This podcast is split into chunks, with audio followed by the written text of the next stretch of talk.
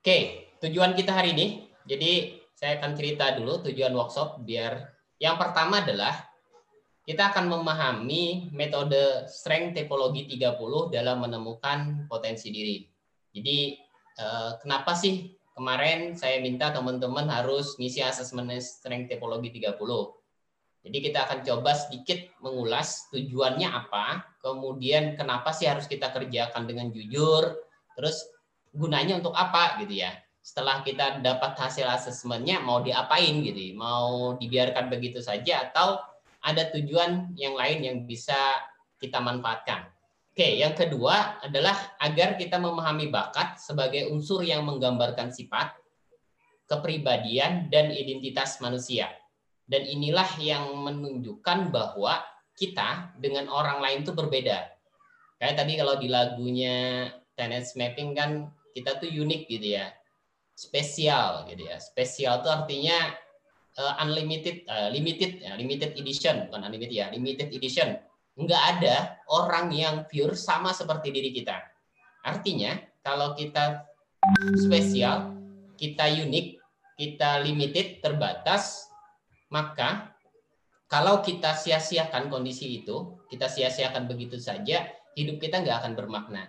Hidup kita nggak akan mendapatkan sesuatu yang eh, baik di dalam sebuah proses kehidupan yang kita jalankan. Oke, yang ketiga, kita ingin memahami bakat sebagai unsur yang menyusun menyusun potensi kinerja manusia. Jadi kenapa ini di, perlu disinggung? Karena banyak sekali yang terjadi di dunia kerja saat ini atau di beberapa institusi, institusi apa pun, di beberapa perusahaan apa pun atau di beberapa bidang organisasi apa pun, kadang ada orang bekerja dalam satu profesi namun profesi itu tidak sesuai dengan potensi yang ada dalam dirinya. Ketika tidak sesuai dengan potensi dirinya, apa yang terjadi? Orang tersebut bekerjanya pun tidak maksimal. Semangat dalam hal bekerja pada profesi tersebut tidak dikeluarkan sepenuhnya Akhirnya banyak sekali para pekerja yang tujuannya ketika bekerja hanya ingin mendapatkan salary saja. Yang penting mendapat gaji, kemudian bisa menghidupi keluarga, udah selesai. Kalau kita hidupnya begitu-begitu saja, maka insya Allah kita nggak akan nyaman gitu ya. Nggak akan nyaman. Semuanya menjadi beban. Ketika kondisi yang kita harapkan tidak kita dapatkan, kondisi yang kita inginkan untuk mendapatkan salary yang besar, gaji yang besar gitu nggak kita dapatkan, maka yang ada dalam diri kita adalah mengeluh, sering uh, ngomel-ngomel gitu ya, memberontak dan sebagainya. Karena tadi kita bekerja bukan kepada sesuatu yang jauh nilainya lebih tinggi dibandingkan masalah gaji saja. Jadi nanti kita akan memahami ini uh, unsur yang menyusun potensi kinerja manusia. Oke, uh, jadi kalau tadi sudah semua dalam mengisi strength typology ini, jadi kalau belum silahkan diisi dulu karena nanti kita akan teman-teman uh, nanti habis ini di beberapa uh, waktu nanti saya akan minta kalian lihat hasil kalian. Terus kita dari hasil tersebut kita sesuaikan dengan penjelasan yang nanti saya sampaikan di dalam uh, slide ini. Oke, okay dia adalah short assessment. Jadi kalau kita bicara tentang talent mapping, talent mapping itu ada dua assessment. Assessment pertama yang kita kenal dengan assessment talent mapping full assessment, di mana nanti di dalam full assessment itu akan menunjukkan 34 urutan bakat. Yang mana urutan bakat dari 34 itu membedakan dari orang satu dengan orang lain.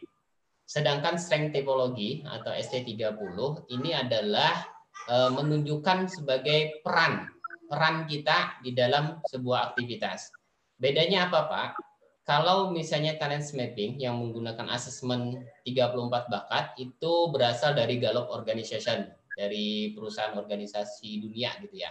Kemudian kalau strength typology ini yang e, diciptakan oleh seorang yang tadi sempat ditampilkan videonya gambarnya Abah Rama Royani beliau membuat sebuah uh, penelitian berkali-kali, bertahun-tahun. Kemudian uh, dari hasil penelitian beliau, beliau gunakan sebagai alat untuk mengukur terkait dengan peran seseorang. Eh, bedanya dengan psikologi apa Pak gitu ya? Eh, kalian mungkin pernah menggunakan beberapa tools-tools alat-alat eh, dalam hal menilai potensi diri kita dalam ilmu psikologi. Bedanya adalah kalau yang ini lebih kepada bagaimana kita tahu tentang peran kita di dalam peran kinerja produktif produktif kita dalam setiap aktivitas. Jadi misalnya saya senang melakukan aktivitas yang berkomunikasi, maka peran produktif saya dalam aktivitas komunikasi itu apa? Jadi nanti akan disesuaikan. Kalau orang yang senang berkomunikasi kira-kira peran aktivitas atau peran produktifnya ngapain gitu ya entah mau jadi penceramah, entah jadi orator, menjadi orang sering pidato, entah jadi dosen, entah jadi trainer, entah jadi motivator, atau entah jadi apa gitu ya. Oh saya tuh senang orang yang uh, jurnalis misalnya. Jurnalis itu artinya dia punya potensi menulis, kalau lagi nulis itu nyaman, senang gitu ya. Maka dia harus menyesuaikan kira-kira peran produktif saya kalau saya sebagai jurnalis itu apa ya? ya entah bu, eh, bikin buku atau ngarang buku, nulis buku, atau nulis beberapa tulisan positif-positif di media sosial, atau bikin jurnal, dan sebagainya. Nah, begitu. Nah, kira-kira seperti itu tujuan dari uh, eh, ST30. Oke, okay. uh, eh, teman-teman bisa lihat ini ya. Apa ini? Ada yang bisa jawab? Bukan ininya ya, tapi ini apa? Silahkan kalau yang mau jawab langsung, mau jawab di chat juga boleh.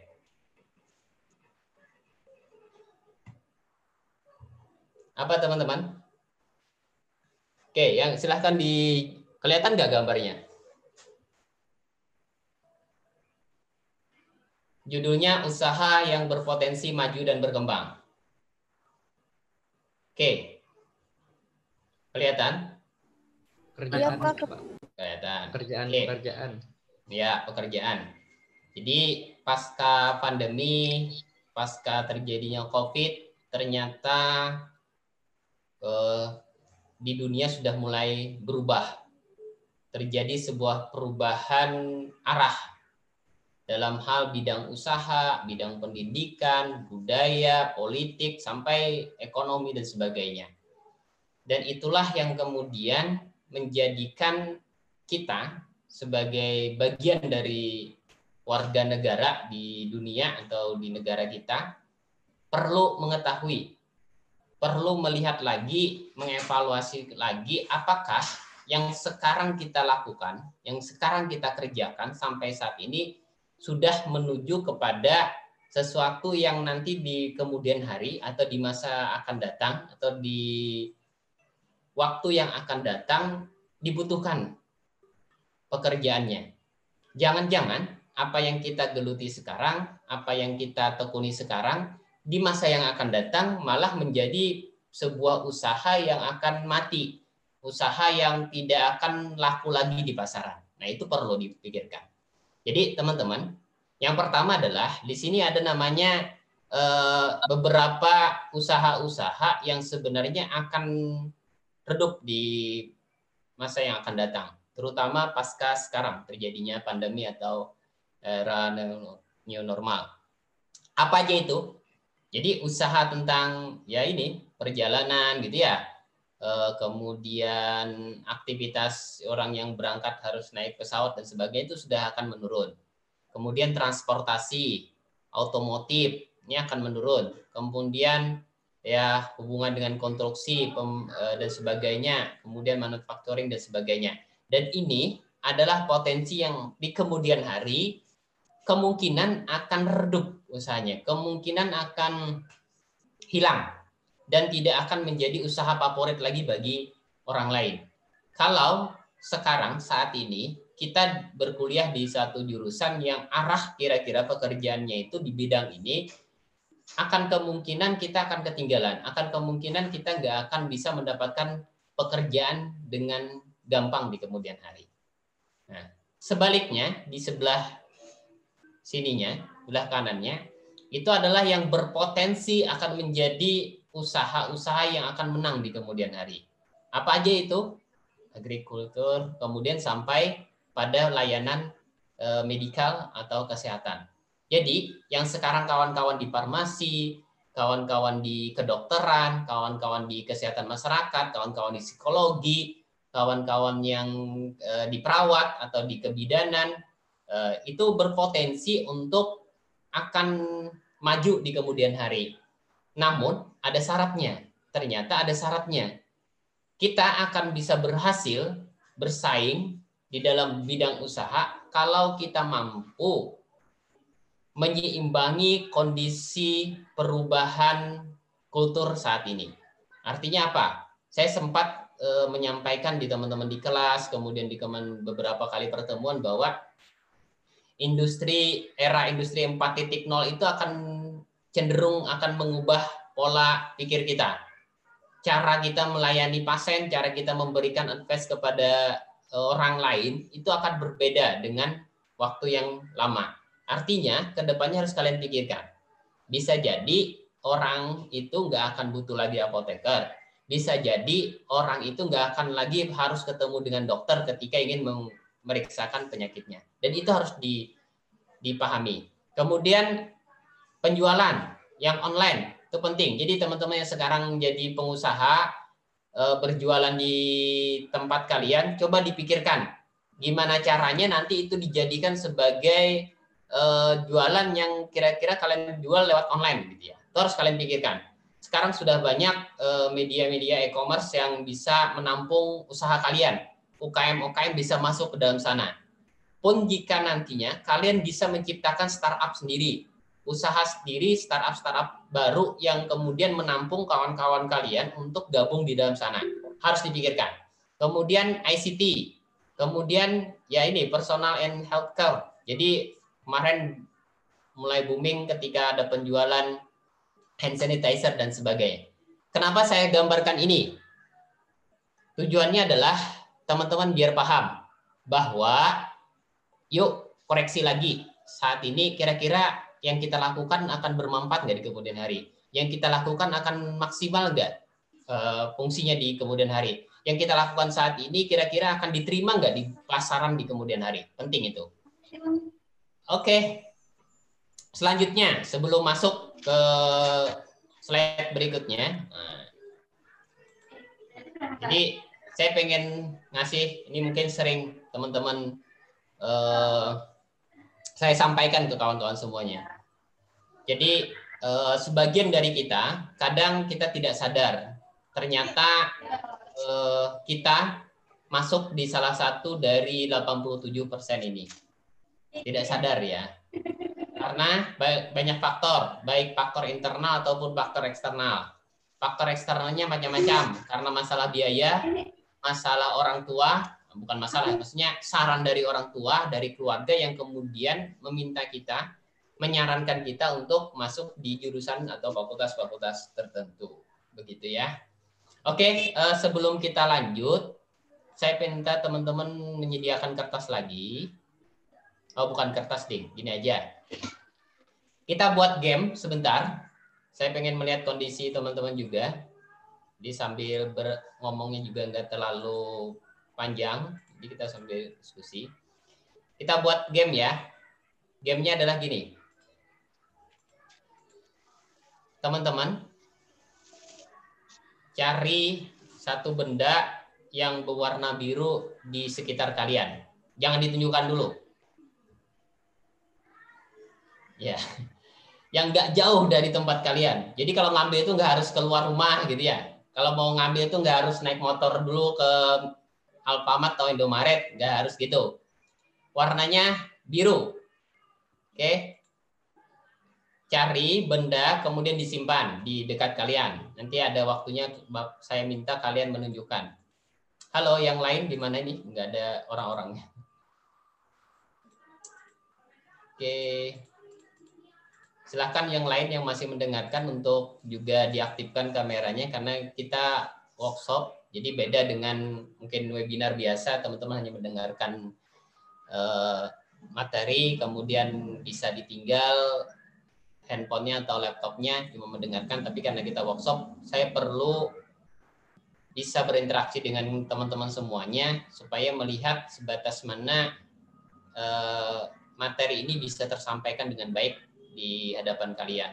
Jadi kalau misalnya eh, berkenan, saya mohon untuk dihidupkan kameranya, dikondisikan dirinya supaya kita bisa sambil sharing. Karena nanti insya Allah materi ini kalau nggak diajak seperti itu mungkin akan membuat teman-teman nggak bersemangat untuk mendengarkannya. Oke, sudah ketemu? bendanya warna biru ya. Oke, warna biru. Saya minta satu, eh, nggak usah ditunjukkan dulu. Jangan ditunjukkan dulu. Saya minta satu orang eh, menemani saya untuk bermain. Siapa nih, Mas Nabil atau siapa? Nabil, dihidupin siap. kayaknya. Oh, siap. Siap, Pak, siap. Oke. Jadi cara bermainnya adalah Eh, saya minta teman-teman yang lain selain Mas Nabil untuk menebak apa sih yang dipegang sama Nabil gitu ya. Dia pegang apa gitu kan. Nah, caranya adalah sebelum kalian menebak, saya minta eh, silahkan kalian mengajukan pertanyaan. Satu pertanyaan aja Mas kepada Mas Nabil. Misalnya, apakah benda itu digunakan untuk alat tulis? Jadi Nabil, Mas Nabil cuma jawab ya dan tidak. Kalau dia jawab ya, berarti tinggal langsung ditebak. Oh, pulpen misalnya. Itu ya. Kalau tidak, berarti kalian jawab yang lain aja. Terserah. Begitu juga misalnya orang yang berikutnya yang ingin nanya, yang ingin menjawab per ininya dari apa yang dipegang Mas Nabil, buat juga pertanyaan yang lain. Apakah ada hadiahnya, Pak? Gitu. Ya. Oke, hadiahnya nanti habis ini dapat sertifikat gratis. Tanda tangan. Oke, siapa yang mau bermain? Orang pertama? Mas Nabil siap ya, dihidupin ya. Siap, Pak, siap. Silakan. Nggak usah raise hand, mau raise hand juga boleh. Siapa apakah yang bentuk, mau? Oke, ini siapa nih? Siapa, siapa ini? Siapa nih? Indah. Indah. Oke, Indah. Indah nanya, Bill. Apakah barangnya bentuknya kain? Tidak. Apakah cukup cukup satu satu pertanyaan aja. Sebutkan langsung. Bukan kain. Apa? Sebutkan langsung tebak. Ballpoint. Betul atau tidak? tidak? Oh, tidak. tidak. Oke, orang kedua silahkan. Berarti salah ya, Indah ya. Orang kedua. Saya, Pak. Ya, monggo silakan. Apakah bentuknya botol? Tidak.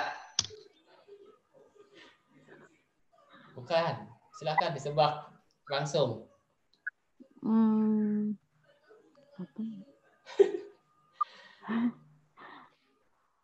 Apakah motor? Tidak.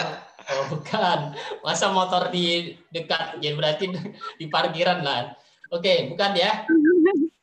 Oke, ya, Masya Allah. Satu lagi. Ini menarik ini. Jadi belum ada yang bisa menebak di sekitar Mas Nabil yang dia pegang itu apa? Warnanya biru, tadi bukan uh, bentuknya kain, gitu ya. Silakan, satu orang lagi. Apakah ini yang digunakan untuk menulis? Nah. Ya, ya. Silakan dijawab. Buku. Ya. Wah, subhanallah. Kita kasih aplaus untuk Mas Tami yang menjawab. Tunjukkan, tunjukkan bukunya. Warna biru. Oh, benar. Oh, buku ya. itu nama. Oke, terima kasih. Jadi penelitian ya hasil. Oke, gak apa-apa. Luar biasa. Jadi Mas Tami bisa menebak Mas Nabil. Emang kayaknya emang lagi sehati mereka ini. Connectingnya antara Tami dengan Nabi itu emang sehati dia. Dia tahu apa yang dipegang kawannya gitu ya. Kok bisa ya jadi sehati mereka ya? Oke, terima kasih Mas Nabil, Mas Tami atas uh, ininya dalam kita bermain. Teman-teman semuanya, kadang ketika kita dalam satu game, game itu adalah untuk melatih uh, kepekaan kita terhadap sesuatu gitu ya. Apa yang tadi dipegang oleh Mas Tami, kemudian disimpannya dulu, kemudian kita menebak, itu membuat otak kita berpikir. Pasti yang ada dalam benak kita adalah eh, kemungkinan karena posisinya Mas Nabil itu di ruangan seperti itu, pasti bendanya itu nggak jauh dengan benda-benda ini. Kita akan membayangkan seperti hanya ada benda yang berada di dekat kita. Benda yang ada di sekitar kita atau benda yang sekarang ini kita pegang Pasti akan ada bayangan seperti itu. Akhirnya muncul satu pertanyaan yang kita lontarkan kepada Mas Nabil. Yang pertanyaan itu mengarah kepada sesuatu yang kita pikirkan sebelumnya. Nah, apa sih manfaat kita bermain ini? Salah satunya adalah untuk mencoba agar membuat otak kita memikirkan sesuatu yang bisa kita prediksi gitu ya. Kita prediksi akan terjadi atau akan muncul gitu, sesuai dengan apa yang prediksi kita. Kemudian kita mulai menyampaikan sebuah pertanyaan untuk mengkoreksi apakah prediksi kita atau tebak-tebakan kita ini benar atau salah. Jadi kita membuat sebuah pertanyaan, melempar sebuah pertanyaan, kemudian menjawabnya. Nah, dalam kehidupan, dalam setiap aktivitas kita juga perlu melakukan hal yang demikian. Dalam melangkah sesuatu, mengerjakan sesuatu, atau mengambil sebuah keputusan, mengambil sebuah jalan dalam setiap aktivitas kita, kita perlu memprediksi kira-kira yang hendak kita lakukan perjalanan yang kita lakukan perjalanan ini yang akan terjadi nanti pada saat kita melakukan itu seperti apa. Ya, kita buat beberapa macam kemungkinan yang kemudian meyakinkan kepada kita bahwa inilah salah satu jalan yang terbaik yang harus aku lakukan. Jadi kemungkinan-kemungkinan itu kita melontarkan dengan beberapa macam pertanyaan. Misalnya, saya tadi Mas Tami menunjukkan dia pengen menjadi dokter spesialis. Padahal posisi beliau sekarang di diploma 3 farmasi gitu ya. Beliau menginginkan sebagai seorang dokter spesialis harus menanyakan dulu kepada dirinya, kepada individu dirinya sendiri, eh, kalau saya pengen jadi seperti itu, kira-kira apa yang saya persiapkan saat ini? Apakah saya harus setelah lulus ini nanti saya harus daftar lagi ke fakultas kedokteran? Kan begitu kemungkinannya. Karena kalau pengen jadi dokter spesialis harus jadi dokter dulu, harus sekolah dulu S1 kedokteran. Kemudian kalau misalnya saya mendaftar di fakultas kedokteran, apakah dengan usia saya, kemudian dengan kondisi yang ada, saya akan keterima? Nah, kemungkinan-kemungkinan itulah yang kemudian membuat kita bersiap-siap. Membuat kita tahu apa sih harus saya kerjakan. Kalau ternyata jalannya kira-kira sangat terjal, sangat berat saya lalui, jadi saya harus cari alternatif yang lain yang sekiranya jauh lebih mudah saya lakukan. Dan itu tidak memakan waktu yang cukup panjang untuk dikerjakan. Jadi permainannya sederhana, namun ada makna di dalam sebuah cara kita menebak, kemudian kita berpikir. Baik, teman-teman semuanya. Masuk ke sini. Saya tadi menyinggung, kenapa sih eh, banyak orang yang kemudian eh, salah dalam memilih jurusan. Dampaknya seperti ini. Yang pertama, kesulitan menjalankan perkuliahan. Kemudian pada saat kuliah merasa tertekan, stres, lelah secara fisik dan mental. Semester awal atau semester 1, semester 2 masih semangat. Luar biasa semangatnya dalam mengerjakan tugas, mengerjakan PR-PR atau kuliahnya semangat. Tapi entah nanti di semester 3, semester 4 atau semester berikutnya sudah mulai bosan, merasa ini berat sekali, kayaknya nggak sesuai deh dengan diri saya kayaknya nggak pas deh dengan apa yang ada di dalam uh, diriku. Nah, kemudian prestasi akademik rendah. Dan pastinya itu akan menurunkan motivasi kita dalam aktivitas kuliah. Kemudian masa kuliah yang lama namun tidak menghasilkan apa-apa. Jadi teman-teman mungkin sering melihat ada mahasiswa yang kuliahnya sampai 10 12 semester bahkan ada yang 14 semester gitu ya 14 semester itu berarti 7 tahun. Jadi mapala, eh mahasiswa paling lama gitu kan. Banyak yang seperti itu. Kenapa? Karena tadi mungkin saja dia tidak menikmati kuliah atau malah sebaiknya karena saking menikmati masa kuliah dia nggak mau lulus gitu kan. Bisa juga. Jadi ada mahasiswa yang demikian. Dia nggak ingin cepat lulus karena saking menikmatinya masa-masa kuliah. Berteman dengan orang-orang muda terus gitu ya. Karena sering mengulang di semester adik bawahnya ya temannya orang muda terus kan jadi ngulang di semester 7, ngulang ke semester 3, semester 1, semester 5. Orang yang semester 8 mengulang di semester 4, semester 6, semester 2, ngulang terus kerjanya. Ngapain sih ngulang? Berapa garang nilainya mata kuliah ini? Sebenarnya sih nilainya sudah B, karena pengen dapat A aja, A+, makanya mengulang. Itu salah satu mahasiswa yang menikmati masa lamanya di, di kampus. Nilainya Berikutnya harus mencari jalan karir yang baru setelah sarjana. Nah ini banyak teman-teman. Jadi eh, kalian harus paham bahwa banyak sekali case-case yang terjadi di masyarakat. Eh, dia berjuang setelah lulus kuliah satu jurusan tertentu. Ketika lulus dia berjuang sangat keras untuk mendapatkan sebuah pekerjaan. Ternyata pekerjaan yang dia dapatkan tidak sesuai dengan background kuliah dia, background sekolahnya. Ketika dia bekerja di sana, bekerja terus-menerus apa yang terjadi? Dia nggak nyaman, dia nggak senang. Bekerjanya pun setengah hati, bekerjanya pun tidak maksimal. Satu hal mungkin yang terjadi ketika ada masalah, ada konflik di dalam sebuah kerjaan yang bersangkutan kadang sering mutung ya. Mutung itu apa ya? Ya maksudnya ngambek gitu ya, ngambek, kemudian mengeluh dan sebagainya itu yang terjadi. Oke, ini berikutnya. Salah persepsi berakibat salah jurusan. Banyak orang yang berpikir seperti ini. Bisa masuk jurusan farmasi pasti sukses, bisa masuk jurusan kedokteran pasti sukses, bisa masuk kuliah di jurusan teknik informatika pasti sukses, bisa masuk di jurusan eh, pendidikan pasti sukses. Nah, kadang persepsi kita seperti itu. Kemudian orang yang tahu teori dikatakan orang tersebut juga mampu kerja. Jadi dia memiliki IPK yang tinggi, prestasi yang bagus, dia orang tersebut dikatakan dia mampu untuk atau ahli di dalam satu pekerjaan. Padahal itu adalah salah persepsi. Semua bisa dikuasai asal tekun belajar dan berlatih.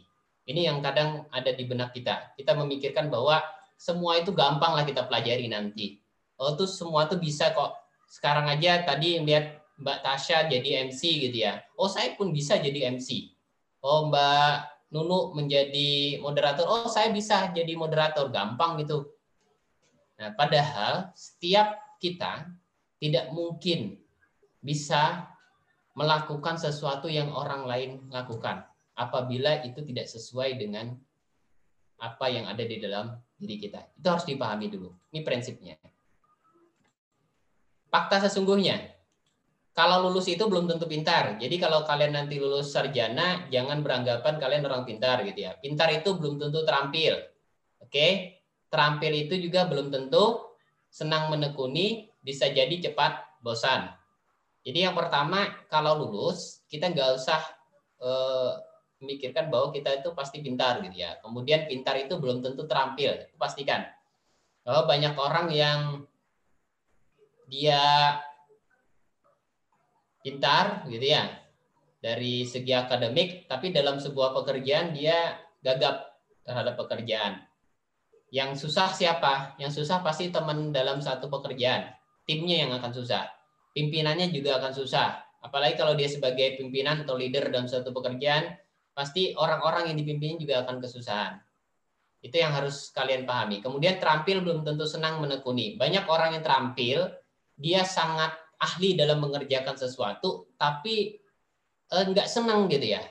Kalau lagi disuruh ngerjain, misalnya contoh eh, sekretaris gitu, coba bikinkan sebuah eh, persiapan, bikin surat, bikin eh, undangan, yang kemudian mau dikasihkan ke beberapa peserta ataupun pemateri, ketika dia kerjakan hasilnya bagus, maksimal, surat itu cepat sesuai dengan target yang diminta oleh ketua panitia atau pimpinannya.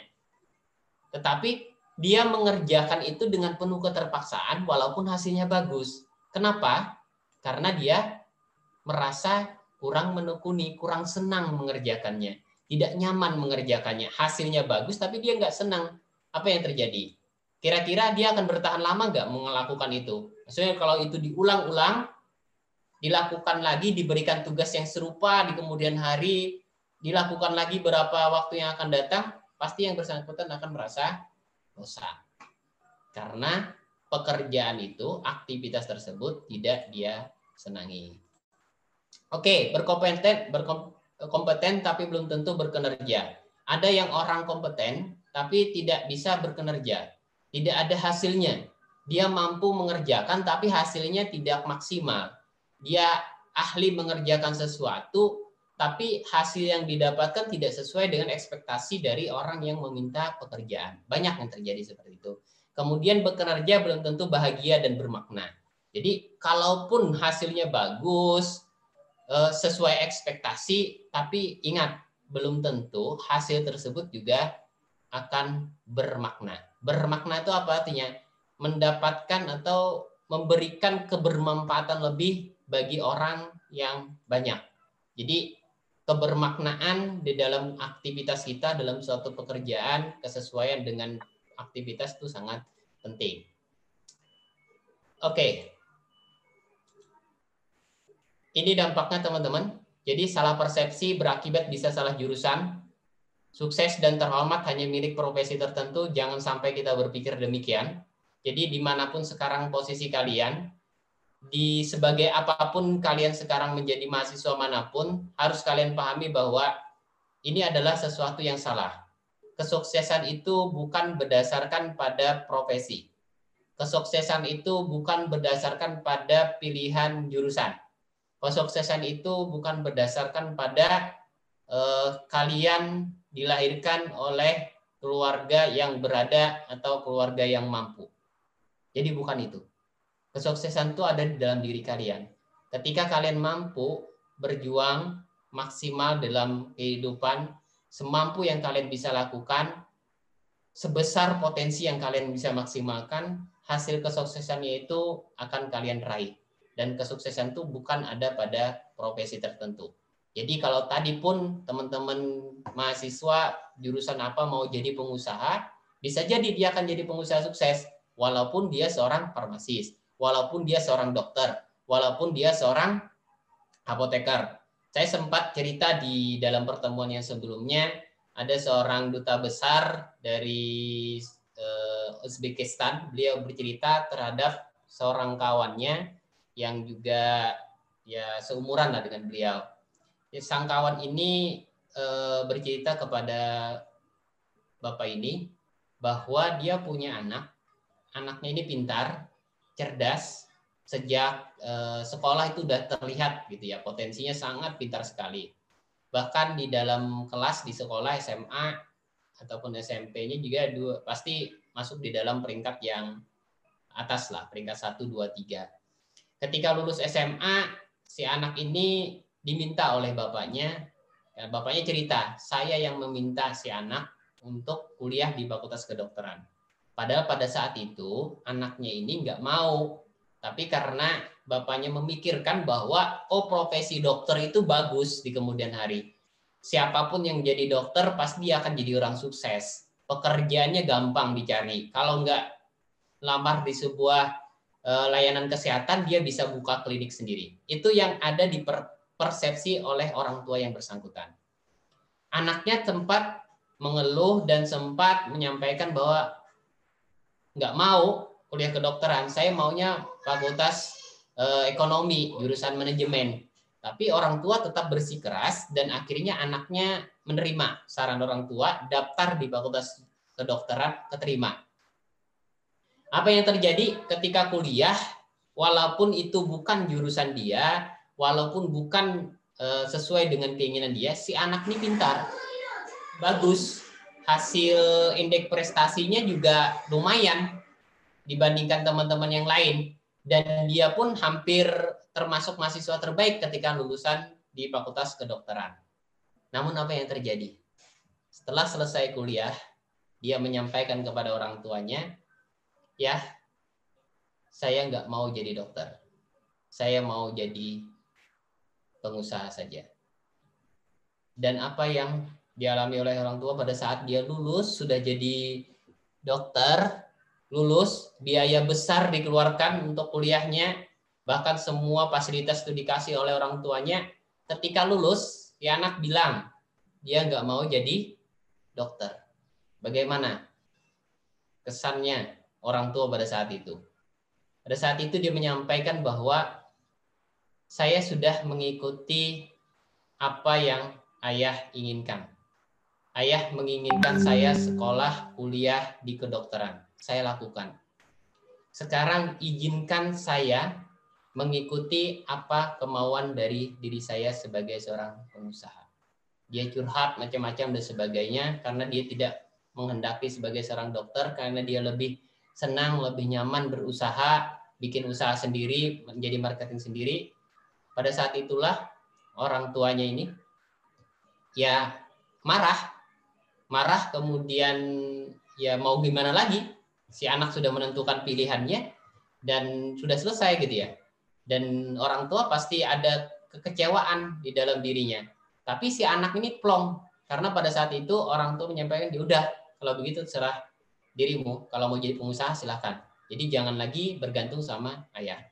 Nah si ayah ini cerita dengan si bapak dubes tadi dan dia mengatakan bahwa saya sedih setelah anak itu cerita kepada dirinya dia nangis berhari-hari bersama dengan pasangannya atau ibunya menceritakan tentang kondisi anak tersebut ini cerita yang cukup membuat uh, kita mungkin di dalam kehidupan tidak hanya satu ini case-nya, tidak hanya satu ini yang mungkin mengalami masa-masa itu. Di tempat lain, di pihak mana pun juga akan mungkin terjadi seperti itu. Kenapa itu bisa terjadi kira-kira? Ada yang bisa mau ngasih pendapat, silahkan di chat. Kenapa hal itu? Kenapa si orang tua kadang selalu menginginkan eh, apa yang dia pikirkan saja, tidak sesuai dengan apa yang kehendak dari orang eh, dari si anak itu sendiri. Ada yang mau ngasih sharing bersama, silakan dikasih di chat. Menurut teman-teman semuanya, karena di sini juga pasti hadir bapak ibu atau orang tua yang punya anak eh, yang ikut dalam acara ini ya seperti itu mungkin paham gitu ya kenapa sih orang tua jadi begitu oke karena orang tua berekspektasi bahwa pilihan mereka adalah pilihan yang terbaik. Oke ada lagi? Makasih oke. Terus mungkin karena orang tua berbicara berdasarkan hanya pengalaman beliau tidak mempertimbangkan apa yang dipikirkan oleh anak. Oke. Terus oh, karena orang tua melihat hasil dari orang lain dan berpikir anak juga mampu. Oke, betul. Kurangnya keterbukaan dengan anak. Oke, ada lagi? Betul semua, teman-teman semuanya. Kadang bukan hanya orang tua yang kurang terbuka, kadang kita pun juga kurang terbuka. Kurang terbuka tuh gimana, Pak? Kita usahanya mungkin pernah kita menyampaikan ke orang tua, tapi usaha kita untuk curhat, berdiskusi itu nggak terlalu besar yang akhirnya kita kalah dengan mereka. Karena dan juga pastinya yang ada terpikirkan di benak kita adalah kita khawatir, kita durhaka sama orang tua, kita khawatir, kita eh, tidak tidak apa ya ibaratnya tidak taat dengan orang tua. Itu pasti ada dalam benak kita. Kemudian karena adanya sifat diktator wah masya Allah gitu ya. Oke sebenarnya sih bukan diktator bahasanya. Orang tua itu pasti ingin memberikan sesuatu yang terbaik untuk anaknya. Namun kadang keinginan orang tua itu tidak seperti apa yang diinginkan oleh si anak akhirnya dia hanya berpikirkan dari cara berpikir orang tua saja tidak berpikir dari bagaimana cara berpikir si anak betul Oke, terkadang orang tua ingin yang terbaik, betul. Terkadang mereka lupa dengan kenyamanan si anak terhadap pilihan mereka karena orang tua tidak memahami bakat anaknya. Bisa jadi. Kalau misalnya orang tua nggak paham apa bakat si anak, maka yang terjadi bisa seperti itu. Dia nggak tahu anaknya ini senang ngapain sih. Padahal sudah kelihatan mungkin pada saat dia SMA, pada saat dia sekolah itu anaknya kok senang jualan gitu ya. Senang melakukan yang aktivitas eh, berjualan di kelas, di sekolah, kemudian jualan lewat online, pakaian dan sebagainya. Dan itu nggak dipandang oleh orang tua. Kita dari sekarang juga harus melihat kondisi terhadap diri kita. Jangan-jangan kita pun pada saat kondisi saat ini juga eh, termasuk bagian dari anak tersebut. Anak yang pada saat eh, pengen diarahkan oleh orang tua untuk kuliah di jurusan tertentu, tapi itu tidak sesuai dengan apa yang keinginan kita. Oke, berikutnya adalah eh, kesuksesan hanya milik mereka yang berpendidikan tinggi. Eh, kalian percaya nggak ini? Yang pasti tidak seperti itu.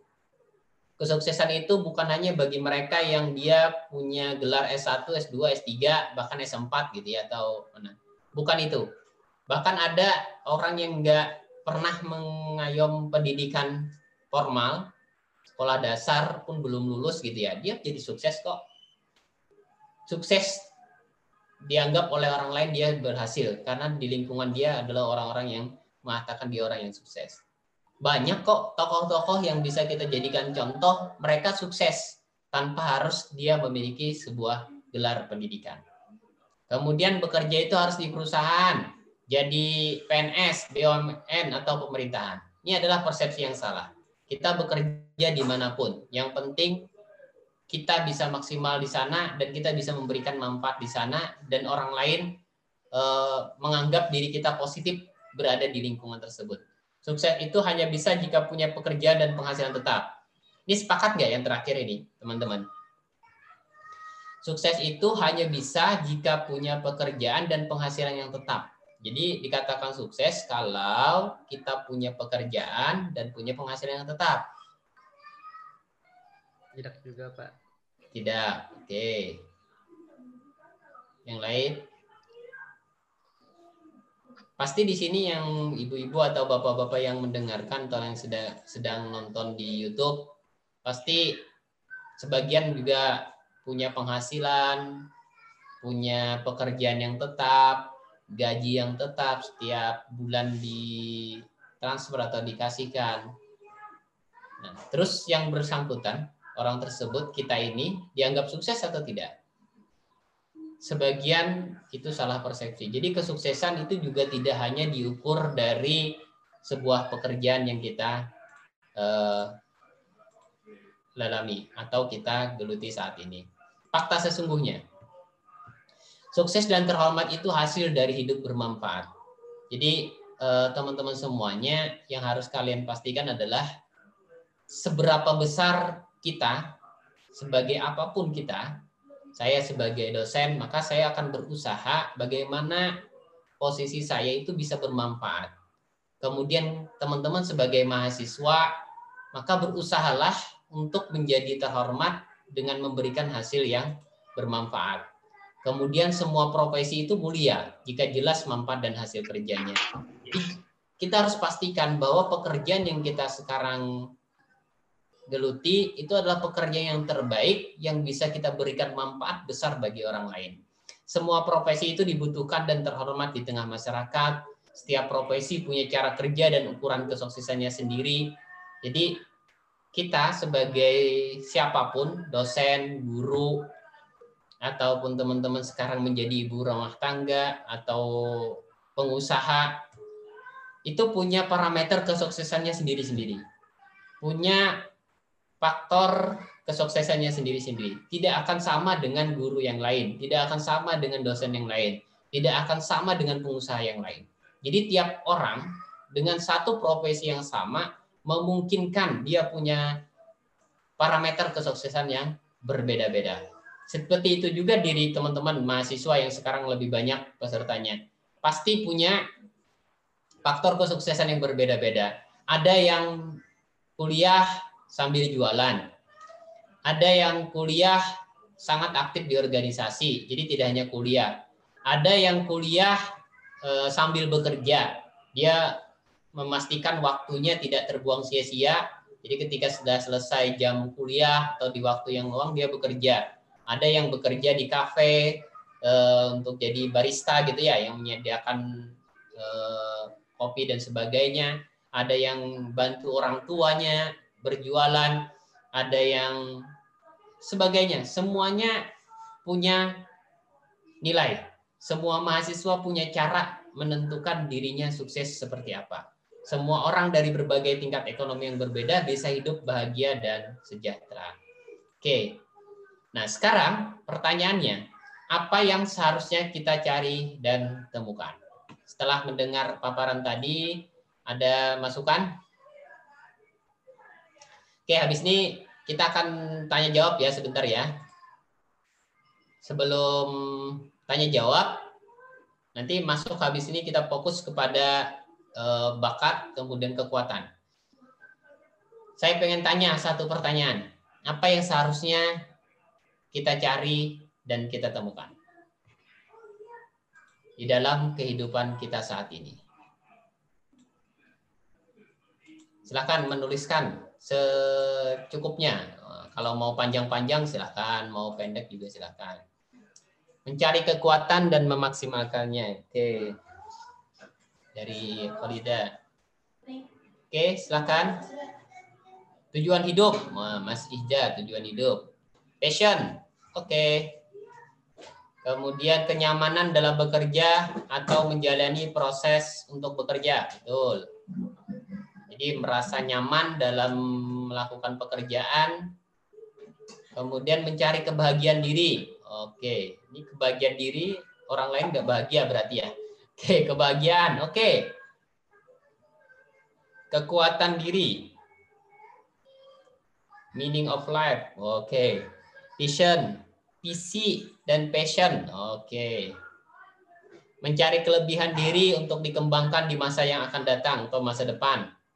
Mencari kedamaian hidup. Masya Allah. Oke.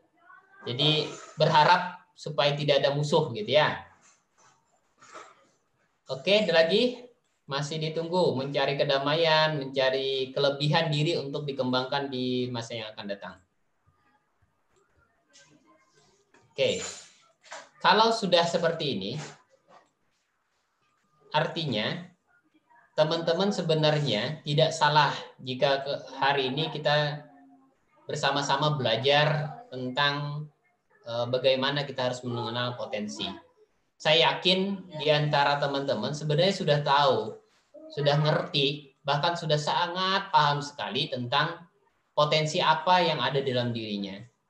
Nah, namun kadang kita kurang terlalu fokus untuk bisa memahami dan memaksimalkan potensi tersebut. Kurang fokus itu karena apa? karena terlalu banyaknya eh, hambatan-hambatan yang kemudian membuat kita terlena untuk ikut banyak kegiatan atau aktivitas tertentu. Ah kayaknya tuh rame, orang lagi banyak jadi youtuber, kayaknya aku nih pas Jepang jadi youtuber. Lalu ikut eh, mencoba masuk nimbrung menjadi seorang youtuber.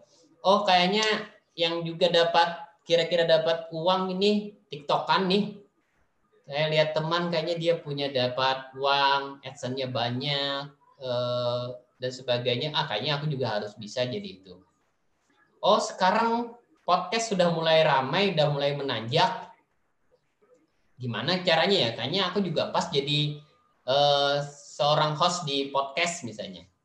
Nah, kadang kita karena terlalu banyaknya peluang di depan, namun kita tidak melihat kira-kira dengan peluang yang ada itu sesuai nggak dengan potensi yang kita bisa. Ada yang orang memulai untuk menjadi youtuber di awal pertama hari kedua sebulan aktif bikin video, aktif bikin ini nyari subscriber, nyari viewer yang banyak dan sebagainya. Tapi tiba-tiba di tengah perjalanan kok malah kurang begitu semangat, bingung gitu mau ngapain lagi dan bahkan adsense-nya belum cukup untuk mendapatkan salary atau mendapatkan sesuatu yang e, bernilai material. Nah, kadang seperti itu karena kita hanya sekedar ikut-ikutan. Nah, itu menjadi hambatan bagi kita untuk memaksimalkan apa yang ada di dalam diri kita. Gitu ya. Oke, sebelum masuk Ini teman-teman yang sering disampaikan oleh guru-guru kami juga di uh, oh sebentar sebentar. Oh ini. Oke, ada kerja dan motivasi. Ada orang, bagian orang yang dia hanya asal kerja, maka kita akan lihat motivasinya apa sih? Bayaran atau gaji. Jadi nanti teman-teman kalau masuk di dalam level ini, masuk dalam bagian orang ini, berarti motivasinya sebagian besar hanya untuk mendapatkan gaji. Jadi misalnya lulus eh, kuliah sarjana, sarjana kedokteran atau sarjana farmasi, tapi daftarnya menjadi pengusaha misalnya. Karena pada saat daftar di perusahaan farmasi, di layanan kesehatan nggak keterima, PNS nggak keterima, daftar di apotik nggak diminta orang jadi apoteker misalnya, maka akhirnya bekerja dan yang penting adalah asal dapat gaji dan bayaran. Kemudian bekerja sebagai kebutuhan hidup. Jadi dia bekerja itu hanya untuk memenuhi kebutuhan hidup, baik untuk dirinya ataupun untuk keluarganya. Harapannya, nah dia nggak punya harapan, tidak ada. Yang penting ini sudah terpenuhi, gaji ada, kebutuhan hidup terpenuhi, sudah selesai. Maka yang dia cari di dalam sebuah pekerjaannya adalah TGIF, Thanks God It's Free Day gitu ya. Jadi terima kasih Allah Tuhan hari ini hari Jumat. Biasanya hari Jumat tuh ngapain ya? Nah, atau terima kasih tanggal 25, tanggal 1. Nah, begitu. Jadi yang dia tuju, yang dia harapkan semoga hari Jumat itu cepat e, bertemu, Sabtu minggunya bisa libur atau e, yang dia harapkan adalah tanggal di mana jadwal gajian. Jadi yang lainnya nggak dia harapkan karena itulah tujuannya kalau hanya bekerja berdasarkan pada asal kerja saja, tidak ada yang lainnya. Yang kedua, ada yang bekerja e, yang motivasinya untuk karir, ya pastinya untuk uang dan kemajuan. Jadi berharap agar kalau bekerja di satu perusahaan institusi ini karirnya bisa meningkat. E, dia dapatkan gaji yang besar di dalam karir tersebut, semakin tinggi jabatan maka salary yang didapat tunjangan yang didapat semakin besar. Jadi akhirnya orang tersebut dia akan berlomba untuk mendapatkan jabatan tersebut. Nah kadang ketika dia berlomba, kalau caranya bagus, no problem, tidak masalah. Tapi ada juga orang yang berlomba untuk mendapatkan jabatan, tapi caranya yang tidak bagus. Dia harus menjegal orang lain.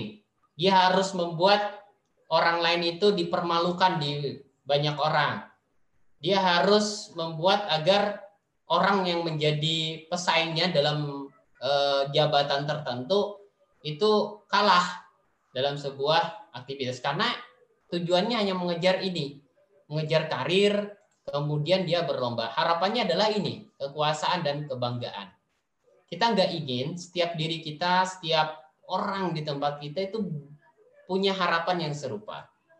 Karena nggak akan nyaman hidup kita karena tujuannya cuma perlombaan, kekuasaan, kebanggaan, jabatan gitu ya. Dan bahkan dalam prosesnya pun kadang tidak sesuai dengan yang seharusnya dilakukan. Yang dia cari adalah sebisa mungkin dia akan mendapatkan promosi. Jadi kadang kalau cerita dengan teman-teman gitu ya, teman-teman eh, kadang banyak juga yang akan mengatakan bahwa eh, lebih baik menjadi orang penjilat dibandingkan orang yang berprestasi karena dengan cara penjilat itu kemungkinan kita akan mendapatkan karir dan promosi jabatan yang lebih tinggi. Ya itu cuma guyonan teman-teman di warung kopi atau di warung gitu ya. Tapi wallahualam bisa jadi ada memungkinkan orang-orang yang demikian. Yang berikutnya, yang ketiga tingkatan yang terakhir kerja motivasi itu karena panggilan. Panggilan dari siapa? Ya pastinya yang menciptakan kita sebagai sebuah amanah yang diberikan oleh Allah dan juga sebagai sebuah perintah yang Allah berikan pada dirinya. Sehingga ketika dia bekerja tujuannya adalah sebagai khalifah di muka bumi. Khalifah orang yang menjadi role model orang menjadi contoh kebaikan orang yang bekerja dengan maksimal mendapatkan hasil yang excellent hasil yang luar biasa dan bermanfaat bagi orang lain. Harapannya apa harapannya adalah dia berkontribusi memberikan manfaat pada orang lain. Kalaupun dia diberikan bonus berdasar pada jabatan, itu hanya sekedar bonus yang kemudian bisa memperluas kebermanfaatan dirinya di hadapan orang lain.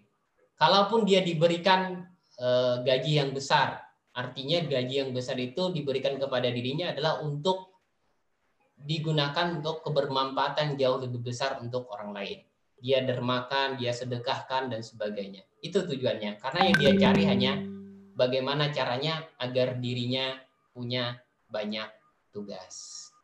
Baik, ini eh, yang di awal nanti habis ini kita akan lebih banyak uh, melihat dari hasil teman-teman yang sudah dikerjakan di dalam asesmen. Jadi kita buka dulu deh dua atau tiga pertanyaan yang bisa kita sharingkan bersama. Jadi teman-teman silahkan uh, yang sudah ngasih pertanyaan Mbak Nunu untuk dibantu dibacakan dan kita sama-sama. Silahkan. Oke, baik Bapak. Ini ada pertanyaan dari room grup chat Zoom okay. dari Muhammad Nabil Irza Mahendra dari Universitas Muhammadiyah Banjarmasin Puruk Cahu. Uh, katanya misalkan kita stres, tertekan dan merasa lelah karena dengan metode dan sistem perkuliahan yang sangat menguras tenaga dan otak, Mahasiswa karena selama perkuliahan diberi tugas secara terus-menerus tanpa dosen-dosen tahu kondisi mahasiswa pada saat itu. Apakah ini salah satu dampak salah pilih jurusan atau gimana, Pak? Tanya begitu. Oke, dilanjutkan. Oh, satu dijawab dulu ya. Oke, baik. Eh, teman-teman, jika ada yang mengalami kondisi tersebut, sebenarnya bukan kalian pian itu nggak sendirian gitu ya. Orang lain pun begitu dengan kondisi saat ini. Beda nanti mungkin kondisinya dengan kondisi yang normal ya. Karena kondisinya begini. Pian merasa begitu karena orang lain juga begitu. Kalau misalnya disangkut pautkan apakah kondisi yang seperti ini saya kok bosan dapat tugas banyak PR dari dosen. Kemudian ketika kuliah kok gini-gini amat sih kuliahnya nggak nggak nyaman gitu, nggak senang dan sebagainya. Uh, sebenarnya bukan faktor karena Ian salah jurusan. Bisa jadi karena faktor kita sebagai dosen belum terlalu maksimal memberikan bagaimana caranya mengajar atau memberikan pelajaran biar teman-teman mahasiswa itu tidak bosan. Bisa jadi seperti itu tuh faktor pertama. Faktor yang kedua adalah bisa jadi mungkin di dalam benak kita, dalam mindset cara berpikir kita, kayaknya emang sampai saat ini deh ini nggak nggak pas deh cara mengajarnya, cara belajarnya dengan online seperti ini. Harusnya sama seperti yang sebelumnya kita harus kembali ke kampus dan sebagainya. Karena pada saat di kampus saya lebih banyak ketemu dengan teman, saya lebih sering ngobrol dengan orang lain. Ketika ketemu dalam satu kelas, ya rame gitu bercanda, bergurau bersama itu jauh lebih menyenangkan dibandingkan ketika online. Itu faktor kedua. Artinya faktor diri kita sendiri yang memikirnya sudah eh, tidak nyaman gitu ya. Tadi faktor eksternal dari orang lain, orang lain itu macam-macam. Bisa karena si dosen, bisa karena jaringan, bisa karena cara model pembelajaran yang tidak nyaman. Kemudian yang kedua adalah faktor diri kita. Diri kita sudah menganggap bahwa ini tidak nyaman. Kalau kita sudah ada berpikiran demikian, mindset kita demikian, maka juga akan secara otomatis itu terpola di dalam diri kita bahwa kayaknya nggak nyaman beneran nih. Nah, sarannya kalau terjadi seperti itu, coba mindset kita berubah Faktor eksternal gimana? Faktor eksternal coba dikurangi hambatan-hambatan uh, kondisi tersebut. Bisa jadi kita kasih masukan kepada dosen, bisa jadi kita kasih saran, oh tolong dong kami dibantu supaya proses perkuliahan bisa berjalan dengan maksimal, dibantu cara mengajarnya dengan cara seperti ini, jangan dikasih beban tugas yang terlalu banyak dan sebagainya. Tapi yang ketiga, kalau tadi faktor eksternal, kemudian faktor internal, kemudian ditanyakan tentang apa hubungannya, apakah salah jurusan atau tidak, tanyakan lagi kepada diri pian sendiri. Apakah selama ini saat saya kuliah di semester ini ada keinginan yang terpendam di dalam diri bahwa ingin kuliahnya itu jurusan ini. Mungkin ada keinginan terlintas aja deh. Kayaknya enakan eh, teknik informatika deh, misalnya gitu ya. Atau ada terbayang terlintas di dalam benak kita, kayaknya lebih enak di pendidikan deh daripada farmasi. Nah, misalnya begitu. Kalau misalnya ada terlintas seperti itu, memungkinkan pian kondisinya salah jurusan. Begitu. Terima kasih. Oke, selanjutnya Bapak dari Ana Maulida, Universitas Muhammadiyah Banjarmasin, Kalimantan Timur. Izin bertanya, Pak. Kan kemampuan atau bakat kita mempengaruhi masa depan kita. Masa depan kita juga berhubungan dengan pekerjaan di masa depan nanti. Otomatis pekerjaan selalu dikaitkan dengan penghasilan atau pendapatan dari pekerjaan kita. Lalu bagaimana Pak dengan pekerjaan yang tidak kita sukai dalam arti tidak enjoy dalam pekerjaan itu? Namun secara kondisi kita sangat membutuhkan pekerjaan itu untuk memperoleh pendapatan atau finansial. Karena banyak sekali Pak saya jumpai hal seperti ini di kalangan masyarakat. Oke, benar. Benar terjadi di mana pun di dunia kerja.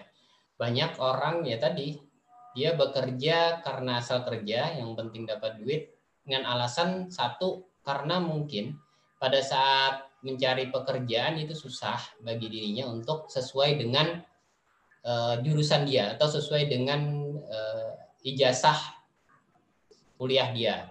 Yang akhirnya ketika cari pekerjaan yang sesuai nggak dapat, dia ngambil pekerjaan yang lain. Yang penting tadi memenuhi kebutuhan hidup, dapat gaji yang cukup, dah selesai. Tapi apa yang terjadi? Dia nggak nyaman bekerja, nggak senang, bahkan untuk berangkat ke kantor aja males-malesan. Kalau misalnya berangkat males-malesan, pulangnya tuh pengen cepet. Orang jam 4 pulang, dia udah siap-siap di depan absensi jam setengah 4 misalnya. Karena sudah pengen cepat pulang. Bukan karena ada urusan penting di rumah, tapi karena ada sesuatu yang dia nggak nyaman. Kau berangkat pun nggak fokus. Mau berangkat bekerja pun ya setengah hati. Nggak mempersiapkan sedemikian rupa untuk berangkat bekerja. Itu yang terjadi. Banyak orang seperti demikian. Nah, terus kalau bisa jadi seperti itu gimana? Ya jujur aja sama diri, tinggal ditentukan pilihan. Apakah mau resign? Gitu ya, pilihannya gitu ya. Atau kita coba nikmati dulu. Dan kemudian ketika kita nikmati, kita cari kira-kira kalau misalnya saat ini di pekerjaan yang saya lakukan ini nggak nyaman, saya harus cari aktivitas apa sih dalam pekerjaan itu supaya saya jadi nyaman oh kayaknya bekerja sambil jualan pas aja nih. Jadi bekerja sisanya itu jualan dengan kawan-kawan rekan kerja. Jadikan teman kerja, rekan kerja sebagai jaringan dalam bisnis kita, jaringan dalam aktivitas kita atau kayaknya saya perlu berpikir bagaimana caranya saya mencoba untuk mencarikan atau memikirkan satu aktivitas pekerjaan yang baru yang saya coba ajak orang lain Kemudian kalau itu sudah siap, baru saya resign. Nah, bisa begitu. Karena nggak nyaman, teman-teman. Kita bekerja dengan satu pekerjaan yang nggak sesuai dengan diri kita, kita nggak nyaman. Apalagi pekerjaan itu berhubungan dengan orang banyak, orang lain jadi kesian. Orang lain jadi masalah. Contohnya apa? Saya nggak cerita kepada yang lain. Bisa jadi saya juga mengalami. Bisa jadi dosen saya bekerja jadi dosen, saya mengajar. Apabila saya nggak nyaman, nggak nyaman dalam mengajar, nggak nyaman dalam bekerja, bukan hanya saya yang merasakan ternyata. Pastinya teman-teman mahasiswa juga merasakan. Kalau mereka merasakan, artinya apakah ilmu yang kita ajarkan kepada mereka bisa bermanfaat atau tidak? Yang jangan ketika kita datang, ketika jadwal kuliah kita berlangsung, mahasiswa itu berdoa sama Allah gitu ya. Mudah-mudahan Bapak ini nggak masuk, mudah-mudahan sidin sakit dan sebagainya gitu kan. Bisa jadi karena tadi karena ketika kita berada di kelas di hadapan mereka kita tidak merasa nyaman. Dan mereka pun juga ikut-ikutan merasakan pekerja, eh, rasa nyaman ketidaknyamanan tersebut. Atau kita bekerja di satu bagian ternyata di bagian itu adalah pekerjaan yang tidak kita senangi. Ternyata di bagian tersebut adalah bagian yang berhubungan dengan orang banyak akhirnya satu pekerjaan yang kita lalaikan, kita tunda, itu akan berdampak negatif pada orang lain. dan itu menjadi masalah. Menjadi masalah bukan hanya pada pekerjaan itu sendiri, tapi juga menjadi masalah bagi diri kita. Kita akan dicerca banyak permasalahan, akan dikeluhkan dengan banyak keluhan, begitu. Jadi sarannya banyak ya salah satunya tadi kalau ternyata memungkinkan resign, resign. Kalau ternyata memungkinkan kita bisa mengelaborasi ibaratnya oh saya berada di sini tapi saya pengen cari aktivitas yang kira-kira bisa saya lakukan di lain hal. Misalnya pagi, sore bekerja di kantor, tapi malam atau waktu yang lain saya sambil jualan. Saya sambil melakukan pekerjaan yang lain. Misalnya sambil syuting gitu ya, bikin YouTube atau sebagainya. Monggo, silahkan. Jadi kita harus bisa berpikir dengan kondisi yang ada. Apabila itu menjadi sesuatu yang nggak bisa kita uh, lepaskan misalnya dari pekerjaan tersebut. Kecuali kalau kuat sudah keyakinan kita mau resign, resign. Begitu untuk pertanyaan kedua. Oke, yang ketiga. Oke, yang ketiga dari Yunita, ini dari Lampung nih Pak. Jadi uh, dia bilang Lampung, eh mohon maaf, saya seorang ibu dua anak yang paling besar usia 4,9 tahun eh sama 4 sama 9 tahun nih Pak. Bagaimana caranya kita bisa mengetahui bakat anak dan berapa tahun bakat anak akan terlihat? Terima kasih Pak. Oke, terima kasih Ibu. Eh, salam kenal. Oke, uh, Ibu, sebenarnya di dalam talent mapping dalam SC30 itu nanti ada turunan lagi yang kita gunakan bisa kita gunakan untuk melakukan observasi kepada anak kita namanya adalah Pandu 45 yang itu dibuat oleh dua santri dari Mapping, Ibu Septi dan Pak Dodik. Eh, beliau suami istri yang kemudian bikin satu panduan turunan dari ST30 dan turunan dari uh, Talent Mapping. Beliau membuat sebuah buku, ada bukunya Bu Pandu 45 dan itu bagaimana cara kita untuk mengetahui bakat anak kita sejak dini jadi sejak tiga tahun, sejak dua tahun itu sudah bisa terlihat. Caranya bukan langsung menjas, oh anakku ini kayaknya bakat menjadi penyanyi, oh anakku ini punya bakat menjadi motivator, bukan gitu. Jadi selama bertahun-tahun kita lakukan observasi. Dan itu nggak bisa digunakan dengan menggunakan ST30. Makanya ST30 ini hanya bisa digunakan bagi anak yang sudah usia di atas 14 tahun. Kalaupun di bawah 14 tahun, asalkan misalnya tadi 9 tahun, asalkan anaknya sudah bisa berpikir terhadap aktivitas yang dia kerjakan sekarang adalah aktivitas yang rutin dia lakukan. Jadi kalau anaknya itu sudah bisa berpikir demikian seperti orang dewasa gitu ya atau pemikiran sudah bagus, dia sudah bisa menggunakan uh, alat strength tipologi 30 ini. Uh, tapi kalau dia masih belum, maka yang dilakukan adalah observasi sang orang tua, ibu atau ayah itu melakukan observasi setiap hari, setiap saat catat. Kok anakku ini kayaknya dia senang memberontak. Ini bagus nih jadi pemimpin di kemudian hari gitu ya. Sebentar-sebentar marah sama kakaknya atau sama adiknya. Sebentar-sebentar dia bertengkar gitu ya. Kalau dia lagi bertengkar, yang satunya adiknya atau saudara yang lain mengalah gitu ya. Berarti dia punya kemampuan bagus ini dalam hal meminta orang lain untuk tidak uh, melakukan sesuatu yang dia inginkan. Itu bisa dilakukan. Oh, anak saya itu punya bakat empati, melihat orang lain, melihat binatang aja yang misalnya binatang yang kesian gitu di kucing yang lagi berkeliaran cari makan, tiba-tiba menyodorkan makanan. Nah, itu berarti bakat empatinya kuat. Nah, begitu Bu. Jadi ada pandu 45 eh, di pertemuan di sebelumnya saya sempat uh, menyampaikan terkait dengan itu. Nanti kalau misalnya Ibu pengen ini nanti di WA saja Ulun saya untuk dikasihkan uh, di share tentang panduan 45 yang bisa digunakan untuk lakukan observasi kepada anak itu. Terima kasih. Ada lagi, Nunu? Sudah? Kita cukupkan dulu tiga pertanyaan ya. Iya, Pak. Atau ada yang mau bertanya secara langsung selain dari chat? Mungkin mau sharing sebelum kita masuk lagi berikutnya. Silakan.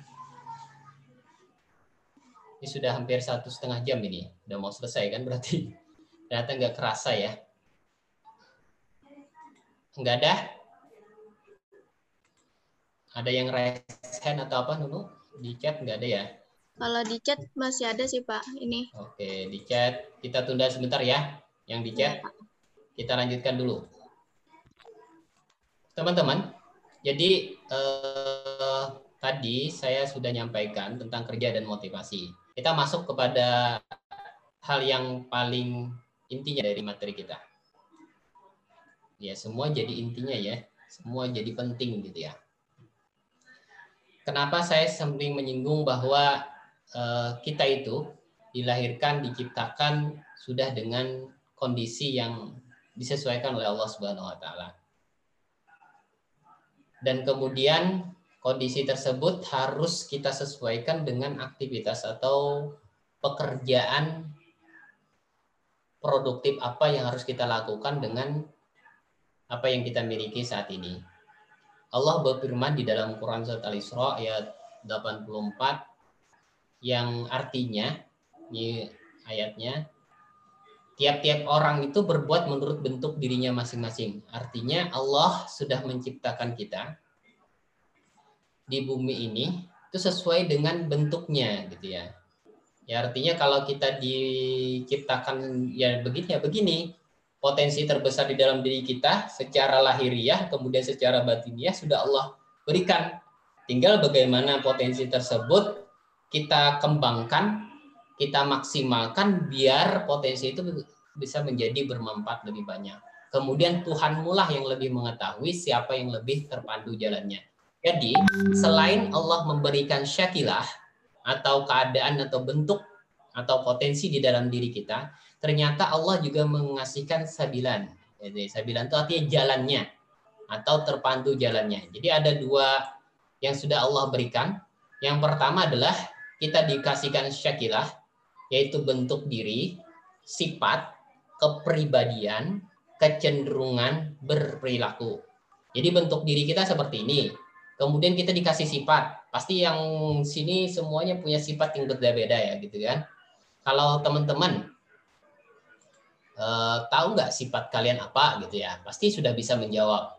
Tahu nggak kira-kira kepribadian kalian apa? Pasti sudah bisa menjawab gitu ya. Karena sudah ada dalam diri kita. Kemudian Allah juga menciptakan sabilan. Sabilan itu apa? Jalan hidup yang unik. Jadi jalan hidupnya beda-beda oh ternyata saya ini harus jadi orang yang seperti ini. Oh jadi dosen, oh jadi guru, oh jadi dokter, oh jadi apoteker, oh jadi eh, misalnya jadi ahli IT atau bikin programming dan sebagainya. Itu sudah ada jalan hidupnya. Nah, tinggal kita mencari jalan hidup itu sendiri. Oke, saya contohkan. Ini gambar apa? apa yang buat kalian pikirkan ya mungkin sudah pernah ada yang tahu ya ya yang tuliskan di chatnya yang kalian pikirkan apa dari binatang ini binatang ya benar ya binatang ya benar silakan yang terpikir. Kura-kura ya benar kura-kura. Itu slow lambat gitu ya. Oke. Ada lagi? Kura-kura berat. Oh betul. Oke. Dia ada kura-kura ada penyu gitu ya. Sama aja lah. Sejenis tapi tidak tidak ini keras betul. Cangkang keras benar. Oke ada tempuro buat melindungi diri. Sabar. Oh benar ini. Ini termasuk sabar. Dia bakatnya sabar. Nggak mau terburu-buru gitu ya. Oke. Oke kerja keras. Oke pertanyaan kedua. Jika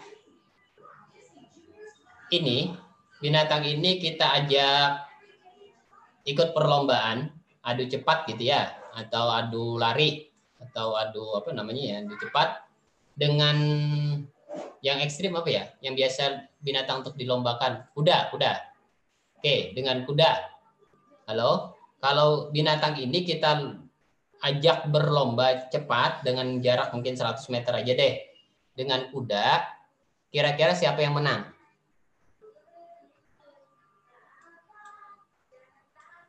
Oh, kuda. Ada yang bilang kura-kura? Oh, enggak ada. Oke, kuda. Pasti ya. Kalau kecepatan jelas kuda. Kalau tergantung tempat lomba, Pak. Nah, itu kata Isa tuh. Oke. Benar. Kura-kura. Wah, kura-kura langsung gitu ya. Oke. Jadi benar kalau lombanya itu berada di daratan. Pasti kuda yang menang. Medannya sudah pasti kuda yang menang. Tapi kalau kita ganti, medannya diganti ke mana? Ke air, ke sungai, atau ke laut. Lomba antara kuda dengan dengan tadi saya kura-kura atau ini penyu kira-kira siapa yang menang kita silahkan dikasih lagi chatnya udah pak tetap pak oh nggak ada ya oke akhirnya penyu yang menang ada juga eh, misalnya ikan diajak eh, lomba gitu ya dengan monyet atau tupai. Tergantung tempatnya kan. Ikan nggak bisa dia yang jadi tupai. Tupai pun nggak bisa dia jadi ikan untuk bisa pandai berenang. Artinya kita dengan keunikan yang ada dalam diri kita, kalau tempat ajang kita untuk melakukan berekspresi, ajang tempat untuk melakukan aktualisasi diri kita itu sesuai, maka hasilnya akan maksimal. Gitu ya. Jadi kalau pian, teman-teman semuanya pengen bertarung dengan orang lain, tapi medannya itu bukan medan kita banget. Nggak sesuai dengan kita mau bersaing jadi YouTuber. Tapi kita bukan medannya sebagai seorang YouTuber yang baik. Ternyata ada orang lain yang jauh lebih bagus sebagai YouTuber. Nggak akan bisa kita mendapatkan AdSense yang bagus, viewer yang banyak, subscriber yang banyak, nggak akan. Kita mau jadi guru yang hebat gitu ya. Tapi kalau kita bukan medannya itu, bukan potensi nggak sesuai dengan apa yang kita miliki, nggak bisa. Jadi sesuaikan dengan apa yang kita punya, apa yang kita mampu, supaya hasilnya bisa jadi maksimal. Kita harus yakin bahwa setiap anak itu terlahir membawa sifat, potensi, dan berbagai karakteristik yang menjadikannya unik. Nah, inilah yang tadi sempat disinggung, ada fisik, ada tingkat kecerdasan, kepribadian, pola perilaku, jiwa, dan lain-lain. Nah, di kesempatan yang sebelumnya juga sempat diceritakan, kita kenal dengan Einstein yang ahli luar biasa gitu ya, sedemikian rupa cerdasnya, dan bahkan sangat cerdas tapi Einstein itu terlahir dari keluarga yang sederhana. Orang tuanya bapaknya hanya penjual loak eh, loak eh, sapu gitu ya. Ibunya ibu rumah tangga, jadi Einstein yang luar biasa gitu. Walaupun pada saat di sekolahan dia dikucilkan sama teman-temannya karena mempunyai kemampuan yang tidak sama dengan yang lain. Dan dia bahkan di drop out ya dikeluarkan. Karena ya bodoh bahasanya bodoh di kelas. Tapi ternyata jadi orang yang cerdas. Nah masalah berikutnya muncul. Ketika Einstein sudah berkeluarga kemudian menikah dengan orang yang kecerdasannya mirip dengan dia sama punya kemampuan yang besar dari segi keilmuannya seorang ahli hidrolik profesor hidrolik gitu ya istrinya tapi melahirkan dua orang anak, kemudian yang satu berhasil, satunya malah jadi gila di usia 15 tahun dan meninggal dalam kondisi yang gila. Kenapa jadi seperti itu? Yang satu sesuai dengan diberikan anak yang pertama itu diberikan e, ibaratnya diberikan pilihan sesuai dengan apa yang kehendaknya menjadi seorang ilmuwan, tapi anak yang satunya dipaksa jadi ilmuwan, dia nggak mau. Dia punya bakat seni, orang tuanya nyuruh dia di sains apa yang terjadi? Anaknya gila. Itu yang terjadi. Jangan-jangan kita juga mengalami masa-masa itu ya oleh orang tua kita. Kita dipaksa gitu ya. Atau kita sendiri yang memaksa diri kita untuk melakukan sesuatu yang tidak sesuai. Apa yang membuat kita kuat, produktif, penuh keberhasilan dan mampu melangkah jauh ke depan? Oke, 뭔데? 어떻게? 어, 그거 준 거야? 이거 뭔데? 아이고, 아이고, 감사합니다. 아니, 사인이라도 해주던가. 어, 여기, 여기, 여기, 여기, 여기, 여기, 여기,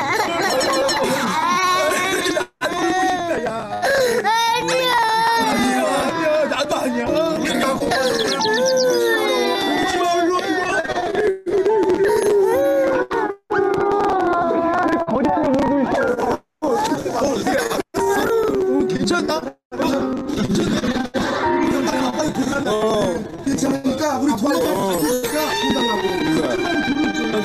울었어 슬펐어. 아무도 너무 슬프게 울었어. 아이고. 아니 우리 아줌마가 어. 이거 배도 고파가지고. 어? 어?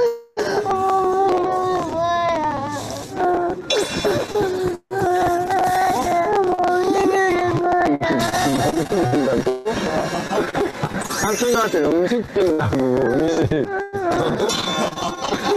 삼촌한테 음식 준다고 음식 삼촌들 맛있는 거 사드세요. 그래. 그치만 아지는 거 하고 올게요. 그치만 아지는 거 하고 올게요. 그냥 그걸 주면 먹을게. 여기요. 아이고, 감사합니다. 감사합니다. 이렇게 많아요.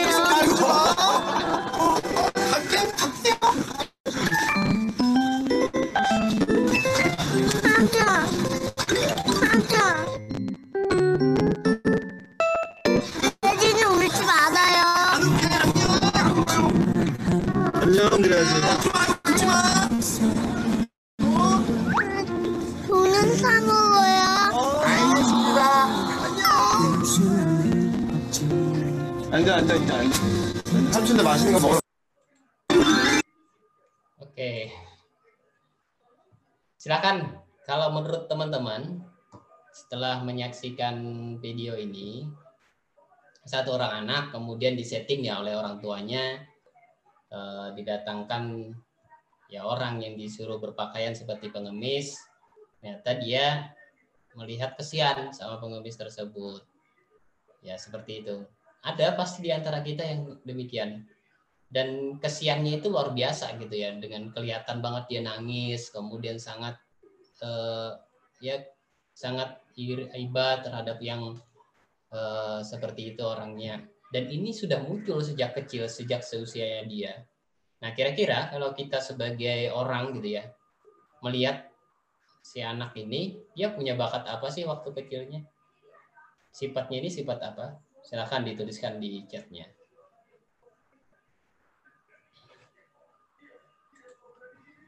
Oke, empati, relawan, empati, caretaker, betul. Empatinya eh, Sungjay. Oke, terus peduli, empati. Oke, jadi sebenarnya kita pun bisa ya melihat ya, ada orang yang demikian dia punya bakat apa empati. Nah artinya kalau kita punya gambaran bahwa Sunjay ini punya bakat empati atau orang, kita lihat bahwa oh empatinya bagus.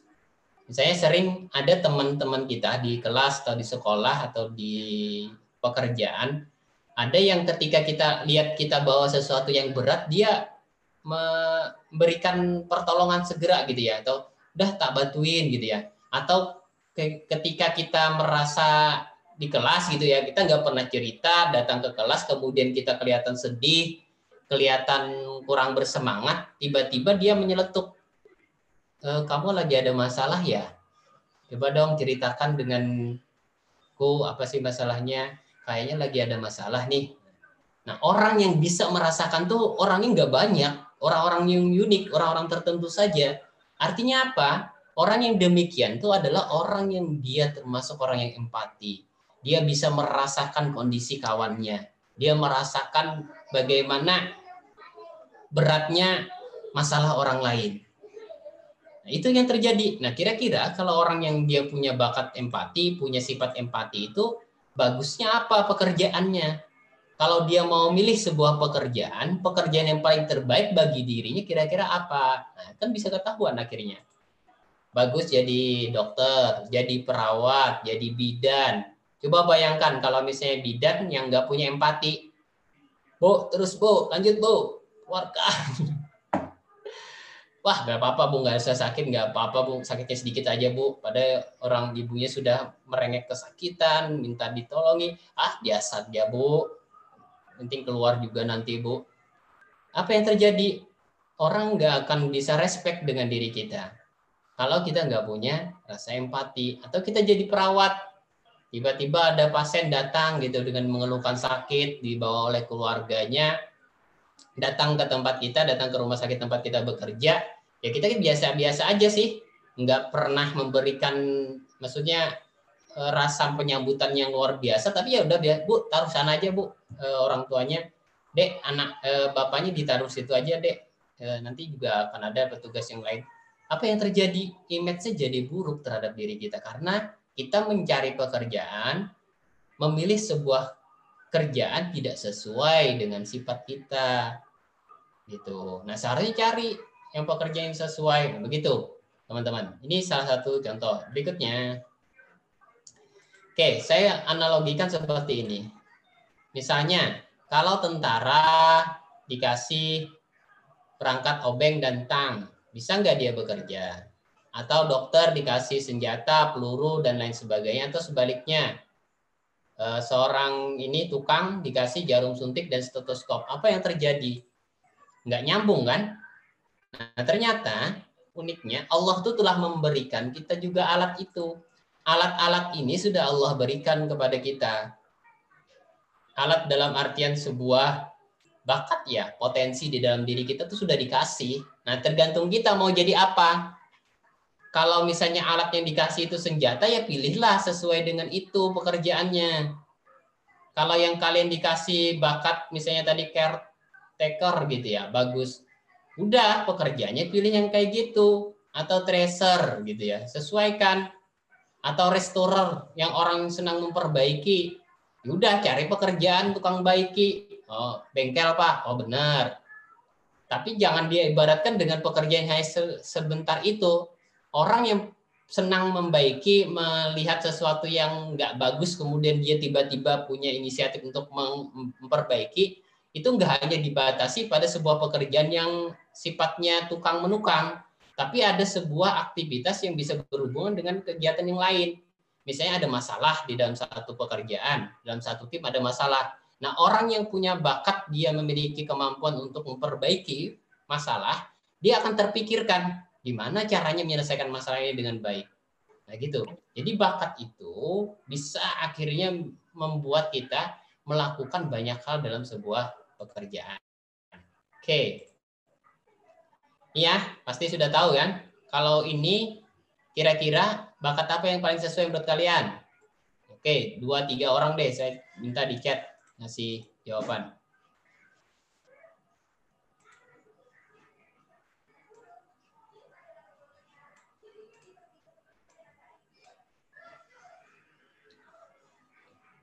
Dokter, dokter. Oke. Harus berjiwa sosial tinggi. Oke, peduli. Caregiver. Oke, betul. Terus ada lagi nggak? Dokter, apakah hanya sekedar bisa punya jiwa sosial yang tinggi? Apalagi yang juga penting bagi dirinya? Empati, benar. Ramah. Oke, dokter ramah, empati. Oke, sama mirip kritis. Sabar. Ada lagi selain itu? Dokter dalam hal melakukan diagnosa, nah itu analisis, analytical. Analisis commander. Nah, commander artinya dia mampu untuk mengarahkan orang lain. Kenapa dokter harus punya analitik yang bagus? Kalau dokter nggak punya kemampuan analisa, di mana dia mau mendiagnosa penyakit, kemampuan analisa itu kan nggak hanya sembarangan, dia bisa menentukan sesuatu yang akhirnya hasilnya itu objektif dia bisa langsung menegakkan sebuah penyakit yang benar berdasarkan pada informasi secara lisannya pasien ataupun informasi yang dia dapatkan dari data-data yang valid dari laboratorium dan pemeriksaan yang lain. Artinya kalau mau jadi dokter, kalau kita nggak punya bakat analitikal yang bagus, menganalisa yang bagus, nggak punya bakat empati, nggak punya bakat commander, mungkin ya mengarahkan orang lain supaya ngikut dengan apa saran kita, maka nggak akan bisa bagus jadi dokter yang hebat. Nah, begitu. Kira-kira kalau misalnya seperti ini kan sudah bisa memahami dengan hasil strength typology teman-teman. Kira-kira teman-teman sudah bisa memahami belum? Apa sih yang terbaik bagi diriku gitu ya. Oke. Berikutnya. Speak Speaking of uh, little things, I want to tell you what's going on tonight. I'm producing a new show. It's called Little Big Shots, and uh, it's hosted by my friend Steve Harvey, and his mustache is also. Here's a tiny bit of uh, Little Big Shots. Let's go over here first. All right, let me see this first. here. Okay, well let me put you up there. I'm gonna put you up there. Hold on, and let me say, let me get a couple of balls because we might need a, a few shots at this. But you're gonna make it. So what's your first one? I'm, I'm just going to do it. You You're just gonna do it, ladies and gentlemen. Titus the Magnificent.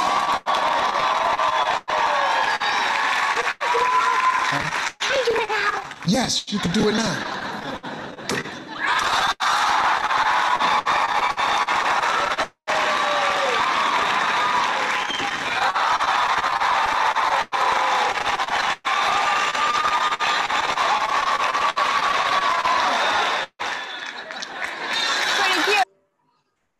Oke. Ada yang hebat seperti itu. Oke, semua luar biasa. Setiap anak tuh unik terlahir ya.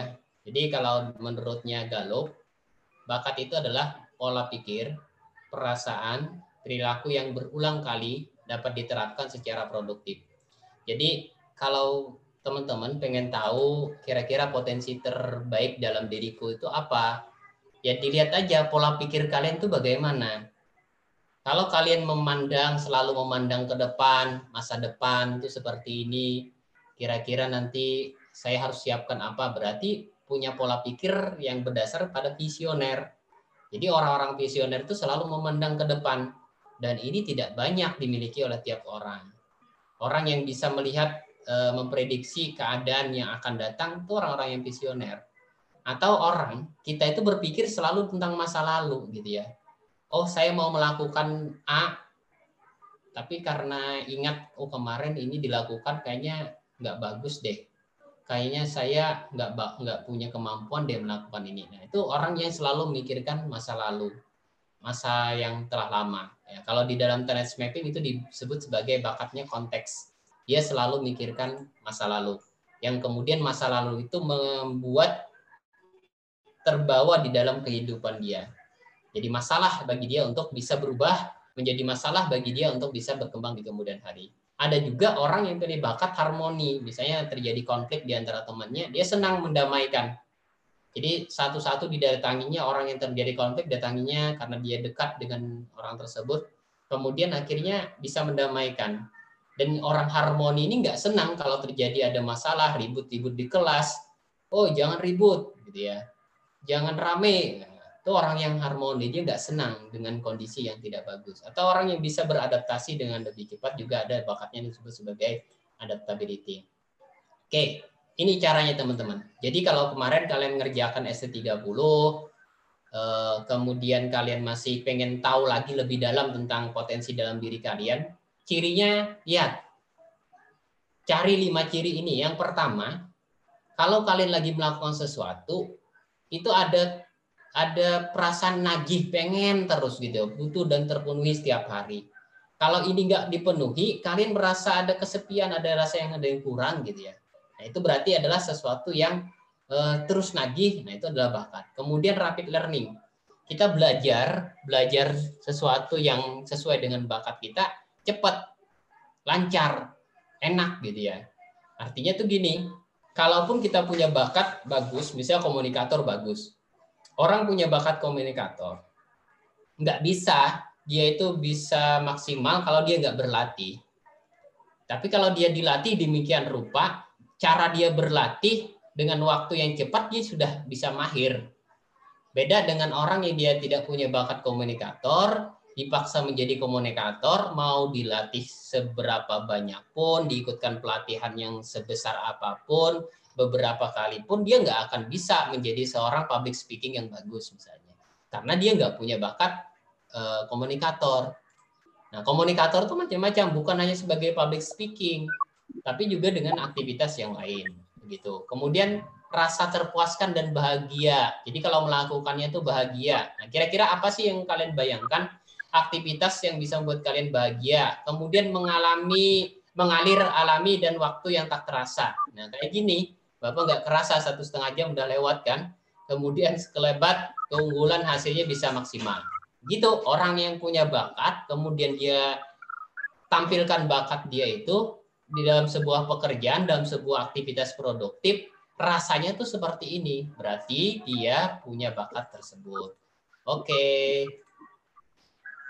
Jadi simpulannya itu bakat yaitu sifat yang produktif. Jadi kalau buan pian eh, teman-teman semuanya punya sifat tapi tidak produktif tuh nggak bakat. Oh saya tuh punya sifat mengeluh, suka bosan. Nah, tanyakan produktif nggak kira-kira kalau saya sering mengeluh? Produktif nggak saya kalau misalnya sering bosan? Nah kalau nggak produktif eh, itu berarti bukan bakat. Kemudian saya senang males. Males-malesan. Lebih baik menunda-nunda pekerjaan. Nggak mau cepet-cepetan. Kalau itu nggak produktif bagi diri kalian, berarti itu bukan bakat kalian. Tapi beda dengan orang yang merasa dia disiplin, harus disiplin. Kalau kuliah jam sekian harus datang jam segitu. Nah, itu berarti dia punya bakat seperti Dapat dikenali, memperhatikan cara berpikirnya, cara merasa, dan cara berperilaku yang alami secara setiap hari. Setiap orang sudah memiliki sifat bawaan sejak kecil, ini menjadi identitas psikologis kita. Nah, bedanya antara bakat dengan kekuatan yang tadi disebut sebagai juga ada yang menyinggung passion gitu ya. Aktivitas produktif yang dapat kita lakukan dengan mudah, menyenangkan, berkualitas tinggi, dan menghasilkan manfaat. Jadi teman-teman ada empat kuncinya ya. Jadi eh, untuk mengetahui kekuatan yang kita kenal dengan strength typology, itu ada empat kuncinya seperti yang di lagu tadi ya di awal tadi lagu talent mapping apa lagunya enjoy easy excellent earn gitu ya. Jadi enjoy. Jadi kalau aktivitas itu kita lakukan secara enjoy artinya kita melakukan dengan nyaman senang gitu ya bahagia berarti itu adalah bakat kita. Kemudian easy mudah. Orang lain susah melakukannya tapi kita kerjakan mudah. Berarti itu bakat kita bukan bakat orang lain. Kemudian excellent. Excellent itu berdasarkan pada hasilnya yang luar biasa ketika kita kerjakan. Maksimal hasilnya. Bagus. Tadi misalnya bakat e, jurnalis. Orang jurnalis menulis, dia punya bakat jurnalis, bikin tulisan dalam waktu satu jam, mungkin tulisannya itu sangat menarik bagi orang lain untuk dibaca. Tapi kalau orang nggak punya bakat jurnalis, bikin tulisan, udah mulai mau nulis aja sudah rasa males, mau menyusun kira-kira kata-katanya juga sudah bingung, itu nggak akan bisa jadi tulisan yang bagus. Nah, begitu maksudnya. Kalau kalian punya bakat tulisan bagus, sering nge-share cerita-cerita menarik di medsos, Facebook, Instagram, nah berarti kalian punya bakat itu. Oke, ini sebagai beberapa hal yang perlu kalian pahami. Bakat menghasilkan kekuatan. Jadi kalau ini dimaksimalkan menjadi sebuah potensi dan akhirnya menjadi kekuatan di dalam diri kita. Ini yang sudah sesuai dengan apa yang kalian jawab. Jadi teman-teman semuanya, kalian sudah dapat ST30 kan semuanya ya. Coba diambil eh, apa namanya hasilnya atau dilihat hasilnya. Kalau tidak salah hasilnya itu harusnya sudah dalam bentuk eh, PDF. Nah, kalian cek hasilnya. Ada nggak kalian berada di dalam posisi yang biru ini? Senang mengendalikan, berjualan, selektor gitu ya mengkoordinir kemudian menengahi cek ya kemudian ada nggak yang hijau kemudian yang merah kalau misalnya di antara ini kalian punya berarti kalian harus pintar-pintar besok itu mencari pekerjaan yang sekiranya aktivitasnya itu yang berhubungan dengan orang lain jadi kalau cari pekerjaan jangan jadi orang yang pekerjaan yang cuma kerja di balik layar, di depan meja atau di belakang meja yang nggak ada orang sama sekali. Pasti akan membosankan bagi diri kalian. Kalau kalian tidak punya kemampuan bakat di antara ini. Gitu ya. Cek dari hasil, dari hasil ST30. Nah, bagi mereka yang punya salah satu atau besar, misalnya ada lima kekuatan, empat atau tiga dari kekuatan tersebut berada di posisi ini, mulai dari biru, hijau, dan ungu ini, berarti dia, orang tersebut sangat-sangat mudah bergaul dengan orang lain. Sangat-sangat nyaman ketika berada di kondisi yang banyak orang. Sangat-sangat bahagia ketika bertemu dengan orang lain. Nah, tapi ada juga orang yang tidak senang sama sekali ketika bertemu dengan orang lain. Nah, biasanya orang-orangnya itu punya bakat di bagian sini. Jadi di bagian sini, jadi kadang ada orang yang dikatakan introvert, tertutup dan sebagainya. Nah, biasanya di bagian sini. Oke.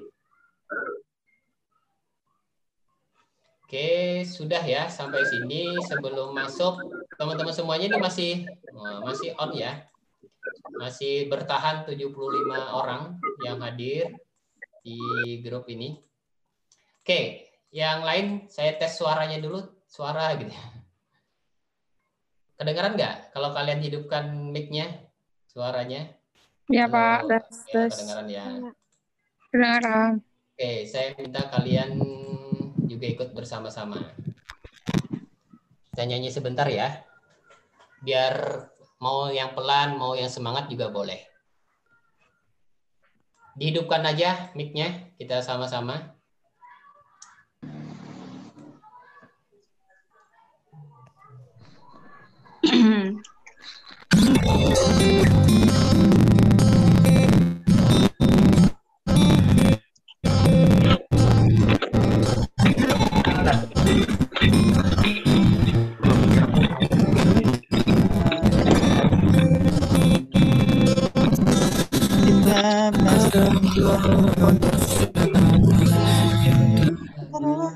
Dapat cobaan. Jangan sesali kala yang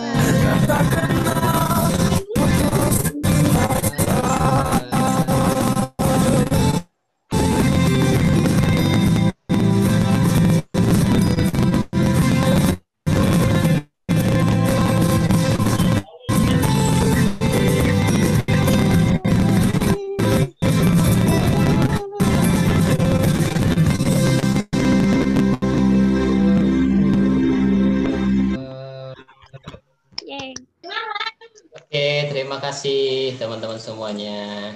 Jadi sebagai pengingat bagi kita, eh, setiap orang pasti punya permasalahan, punya sesuatu yang memberatkan di dalam kehidupannya.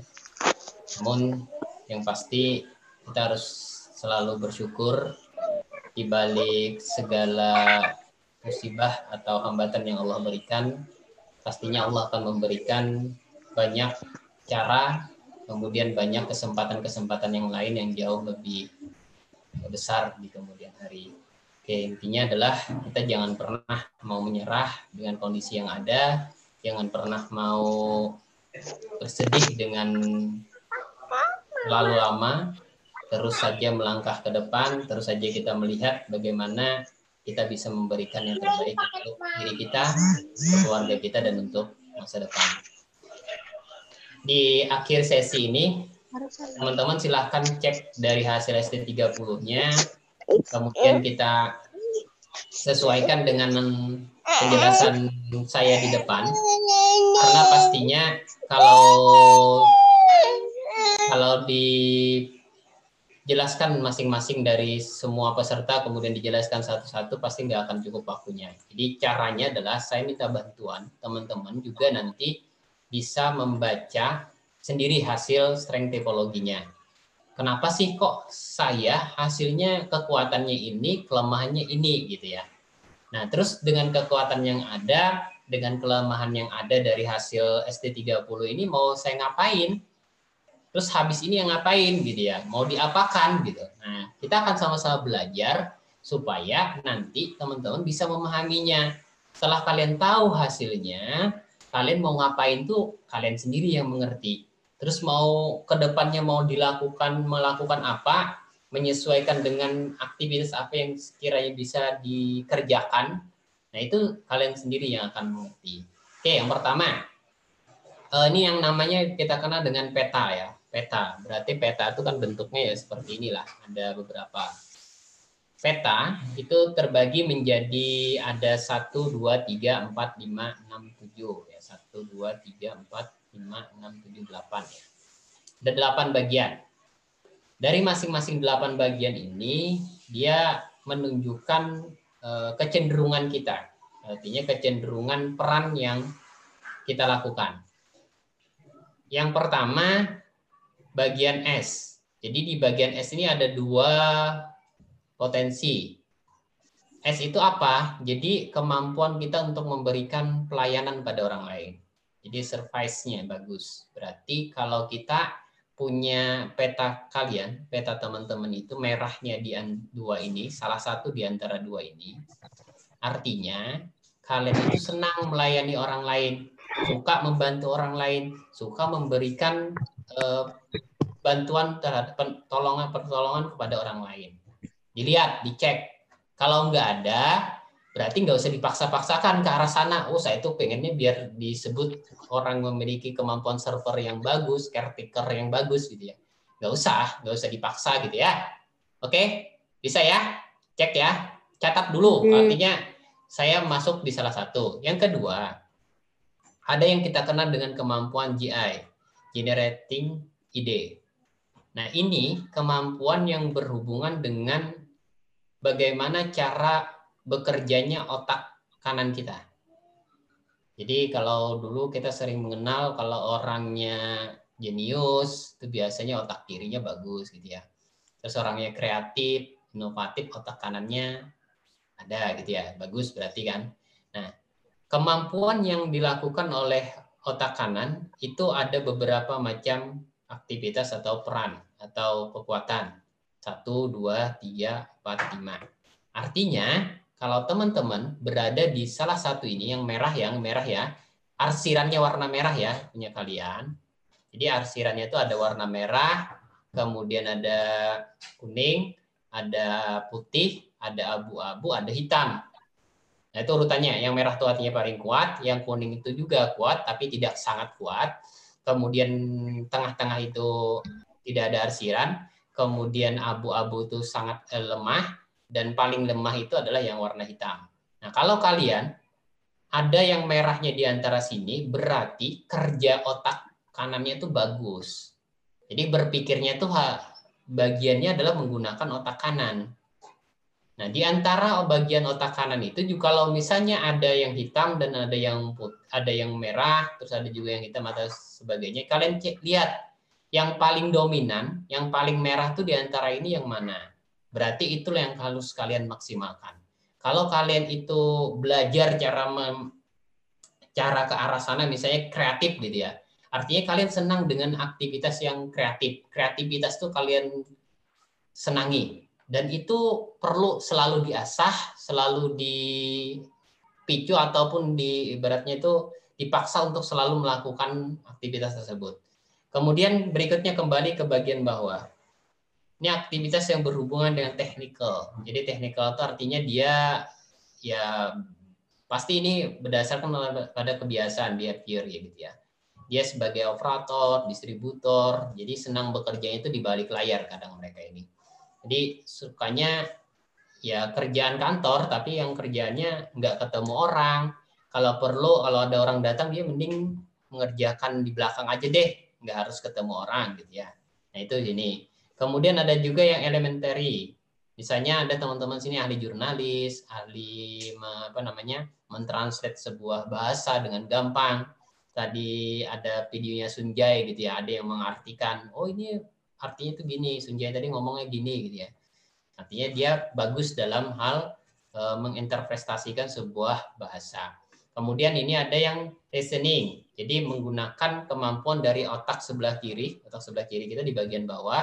Kemudian ada yang berpikir analitik, kemudian tracer, jadi bisa me, apa ya, merencanakan keuangan atau menyimpan uang dengan baik. Kemudian ada yang kemampuan disebut sebagai networking dan headman, artinya orang yang pandai mempengaruhi orang lain, pandai mengatur orang lain. Kalau teman-teman berikutnya ya, ini, jadi penjelasannya begini. Oke, bisa dilihat ya. Jadi kalau di antara sini ada yang merah-merah, berarti kalian bagus di dalam hal mana? Kalau misalnya ada yang merahnya di bagian sini, bagusnya di sini. Merahnya di bagian sini, bagian kalian artinya bagus dalam aktivitas teknikal begini. Nanti, kenapa jadi harus digambarkan seperti ini? Supaya teman-teman bisa melakukan eh, aktivitas lanjutan yang sekiranya bisa dimaksimalkan tuh dari beberapa data punya teman-teman tuh bagaimana? Hasil asesmen teman-teman, kalau kalian lihat lagi di bagian bawah selain ada peta, kalian juga akan muncul yang namanya personal branding. Artinya kalau personal branding ini adalah branding secara individu kita yang bisa kita lakukan. Eh, misalnya eh, Mas Tami dia sebagai ambasador gitu, senang dia ketua BEM kita ini orang yang senang ketika dikirim ke mana, senang untuk menginformasikan kepada orang lain tentang sebuah acara atau sebuah kegiatan. Dia senang dengan hal tersebut misalnya. Maka dia branding dia adalah dengan ambasadornya dia. Yang berarti kalau dia punya kemampuan ambasador, eh, kira-kira kalau misalnya aktivitas apa sih yang paling pekerjaan yang paling tinggi dari seorang ambasador apa? Nah, dia bisa melakukannya. Oh, duta besar, Pak, misalnya. Bisa jadi seperti itu. Nah, nanti personal branding berikutnya, commander. Berarti dia punya kemampuan untuk mengontrol, mengatur orang lain. Marketer. Nah, marketer sama seller beda ya. Marketer itu lebih pas. Dia itu dalam hal merencanakan suatu penjualan, merencanakan ya. Artinya dalam merencanakan buat strategi dan sebagainya itu bagus. Tapi kalau seller, ada orang yang dia pandai marketing, pandai untuk mempromosikan, tapi nggak bisa menjual. Tapi ada sebaliknya, orang yang dia pandai menjual barang, produk tertentu, tapi dia nggak bisa mempromosikan. Tapi kalau jualan dia bagus. Jadi harus dibedakan antara seller, seorang penjual, dengan seorang eh, marketing. Oke, kemudian ada yang disebut sebagai tipologi tipologi peran kita. Jadi yang merah-merah ini ada yang paling kuat kita tadi, sedangkan yang hitam itu paling sangat lemah, yang abu-abu eh, lemah, kemudian ini tengah-tengah yang putih, yang kuning itu kuat tapi tidak sangat. Ini tipologi, kemudian ada strength cluster. Nah, strength cluster ini artinya di antara eh, ke-8 tadi yang paling kuat itu pembagiannya di mana sih di dalam otak kita. Pasti teman-teman misalnya ada yang networkingnya sampai 40%, 80%. Artinya kalian kalau cari pekerjaan, cari peran, aktivitas, cari peran yang sekiranya berhubungan dengan banyak orang. Berhubungan dengan networking. Itu jauh lebih eh, maksimal kalian kerjakan atau kalian lakukan. Gitu ya. Oke, berikutnya. Jadi dibaginya seperti ini, teman-teman. Jadi kalau kalian bagusnya merahnya, merahnya itu kan seharusnya ada 7, 6, 7, 5, 6, 7 gitu ya. 5 sampai 7 merah. Kalau 5 sampai 6, 7 merah itu banyaknya di sini, misalnya empatnya di sini atau empatnya di sini, tiganya di sini misalnya, maka yang empat itu berarti kalian kemampuan interpersonalnya bagus. Nah, sedangkan sebaliknya, jika kalian banyak merahnya itu di bagian bawah, maka kemampuan individual, senangnya bekerja sendiri, senangnya menyendiri, senangnya nggak mau diganggu orang lain, itu bagus. Artinya peran kalian harus seperti itu. Jadi kalau dalam membuat dalam sebuah tim, itu harus dibagi ada orang yang suka tampil, tapi ada orang juga yang nggak mau tampil. Tapi kalau dia bekerja bagus, misalnya bikin surat, bikin apa dia bagus, tapi dia nggak suka tampil kok. Jadi kalau orang yang nggak suka tampil jangan dipaksa untuk ditampilkan, karena nanti akan garing hasilnya. Dia nggak akan bisa maksimal. Nah begitu. Tapi kalau mereka yang senang tampil, senang ketemu dengan orang lain, senang menunjukkan kemampuan dirinya, maka berikan dia peran sebanyak-banyak untuk melakukan itu Supaya apa? Supaya dia terlatih dan lebih mahir untuk melakukannya. Misalnya Nunu, Nunu senang dia dengan kemampuan selain dia punya kemampuan main alat musik yang bagus, sebenarnya Nunu juga punya kemampuan untuk senang tampil. Ada juga orang yang senang main alat musik tapi dia gak mau tampil, sukanya di balik layar. Ya udah nanti aku bantu kok musik tapi aku nggak mau tampil ya. Nah juga ada orang seperti itu. Jadi beda jadi kalau orang yang dia senang musik, alat musik, menggunakan alat musik dan senang tampil, berarti dia harus sering dilatih, harus sering diberikan peran untuk melakukan aktivitas tersebut. Beda dengan mereka yang punya kemampuan di individual. Jadi kalau orang yang tam, senang tampil ini kita kasih pekerjaan kantoran, pekerjaan mengerjakan yang sifatnya administratif, berat bagi dia. Pasti pusing dia untuk mengerjakan tapi beda dengan orang yang dia kemampuan individualnya bagus. Kalau dikasih pekerjaan administratif, dia nyaman megawinya, nyaman bekerjanya, dan hasilnya juga akan maksimal. Oke, berikutnya, pembagian berikutnya. Jadi kemampuan di atas ini adalah kemampuan afektif, kemudian di bawah kognitif, yang terakhir adalah behavior. Ini harus dipahami. Jadi kalau kita pintar, pandai secara akademik, itu pastinya kita juga maksimal di bagian sini. Gitu ya analitikalnya bagus, berarti nilai matematika saintisnya bagus gitu ya. Kemudian restornya bagus, evaluator bagus misalnya. Kemudian dia juga punya kemampuan kreatif, eh, kemudian marketing yang bagus dan sebagainya. Jadi dia di sini. Jadi kalau yang ini itu bisa dilihat dari kecerdasan dia secara kognitif dia. Sedangkan kecerdasan afektif, jadi etika dia bertemu Eh, dengan orang lain. Orang lain kok senang ketemu dengan dia, bahagia gitu ya. Dia datang itu sesuatu yang menarik bagi orang lain, senang orang lain. Tapi ada juga orang ketika ada yang hadir gitu, orang lain hadir kok membawa kesan nggak nyaman gitu kelompoknya. Nah, berarti dia nggak masuk di dalam bagian di sini. Gitu ya. Kemudian berikutnya Nah, ini tadi penjelasan berikutnya. Jadi headman itu mempengaruhi orang lain, networking itu senang bekerja sama, sedangkan servicing itu melayani orang lain. Kemudian kemampuan berikutnya di bagian individualnya otak kiri. Ada otak kiri bawah, ada otak kiri ke atas, juga ada otak kanan. Kemudian ada administrasi, bahasa, dan teknik. Oke, jadi nanti teman-teman silahkan dilihat dari hasil yang kalian kerjakan. Nah, ini menyesuaikan dengan pekerjaan. Jadi begini.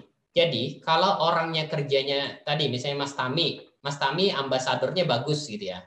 Berarti kalau Mas Tami ini jadi humas, dia bagus. Jadi jangan dikasihkan yang gawian yang mengetik, gawian bawa surat atau apa gitu ya.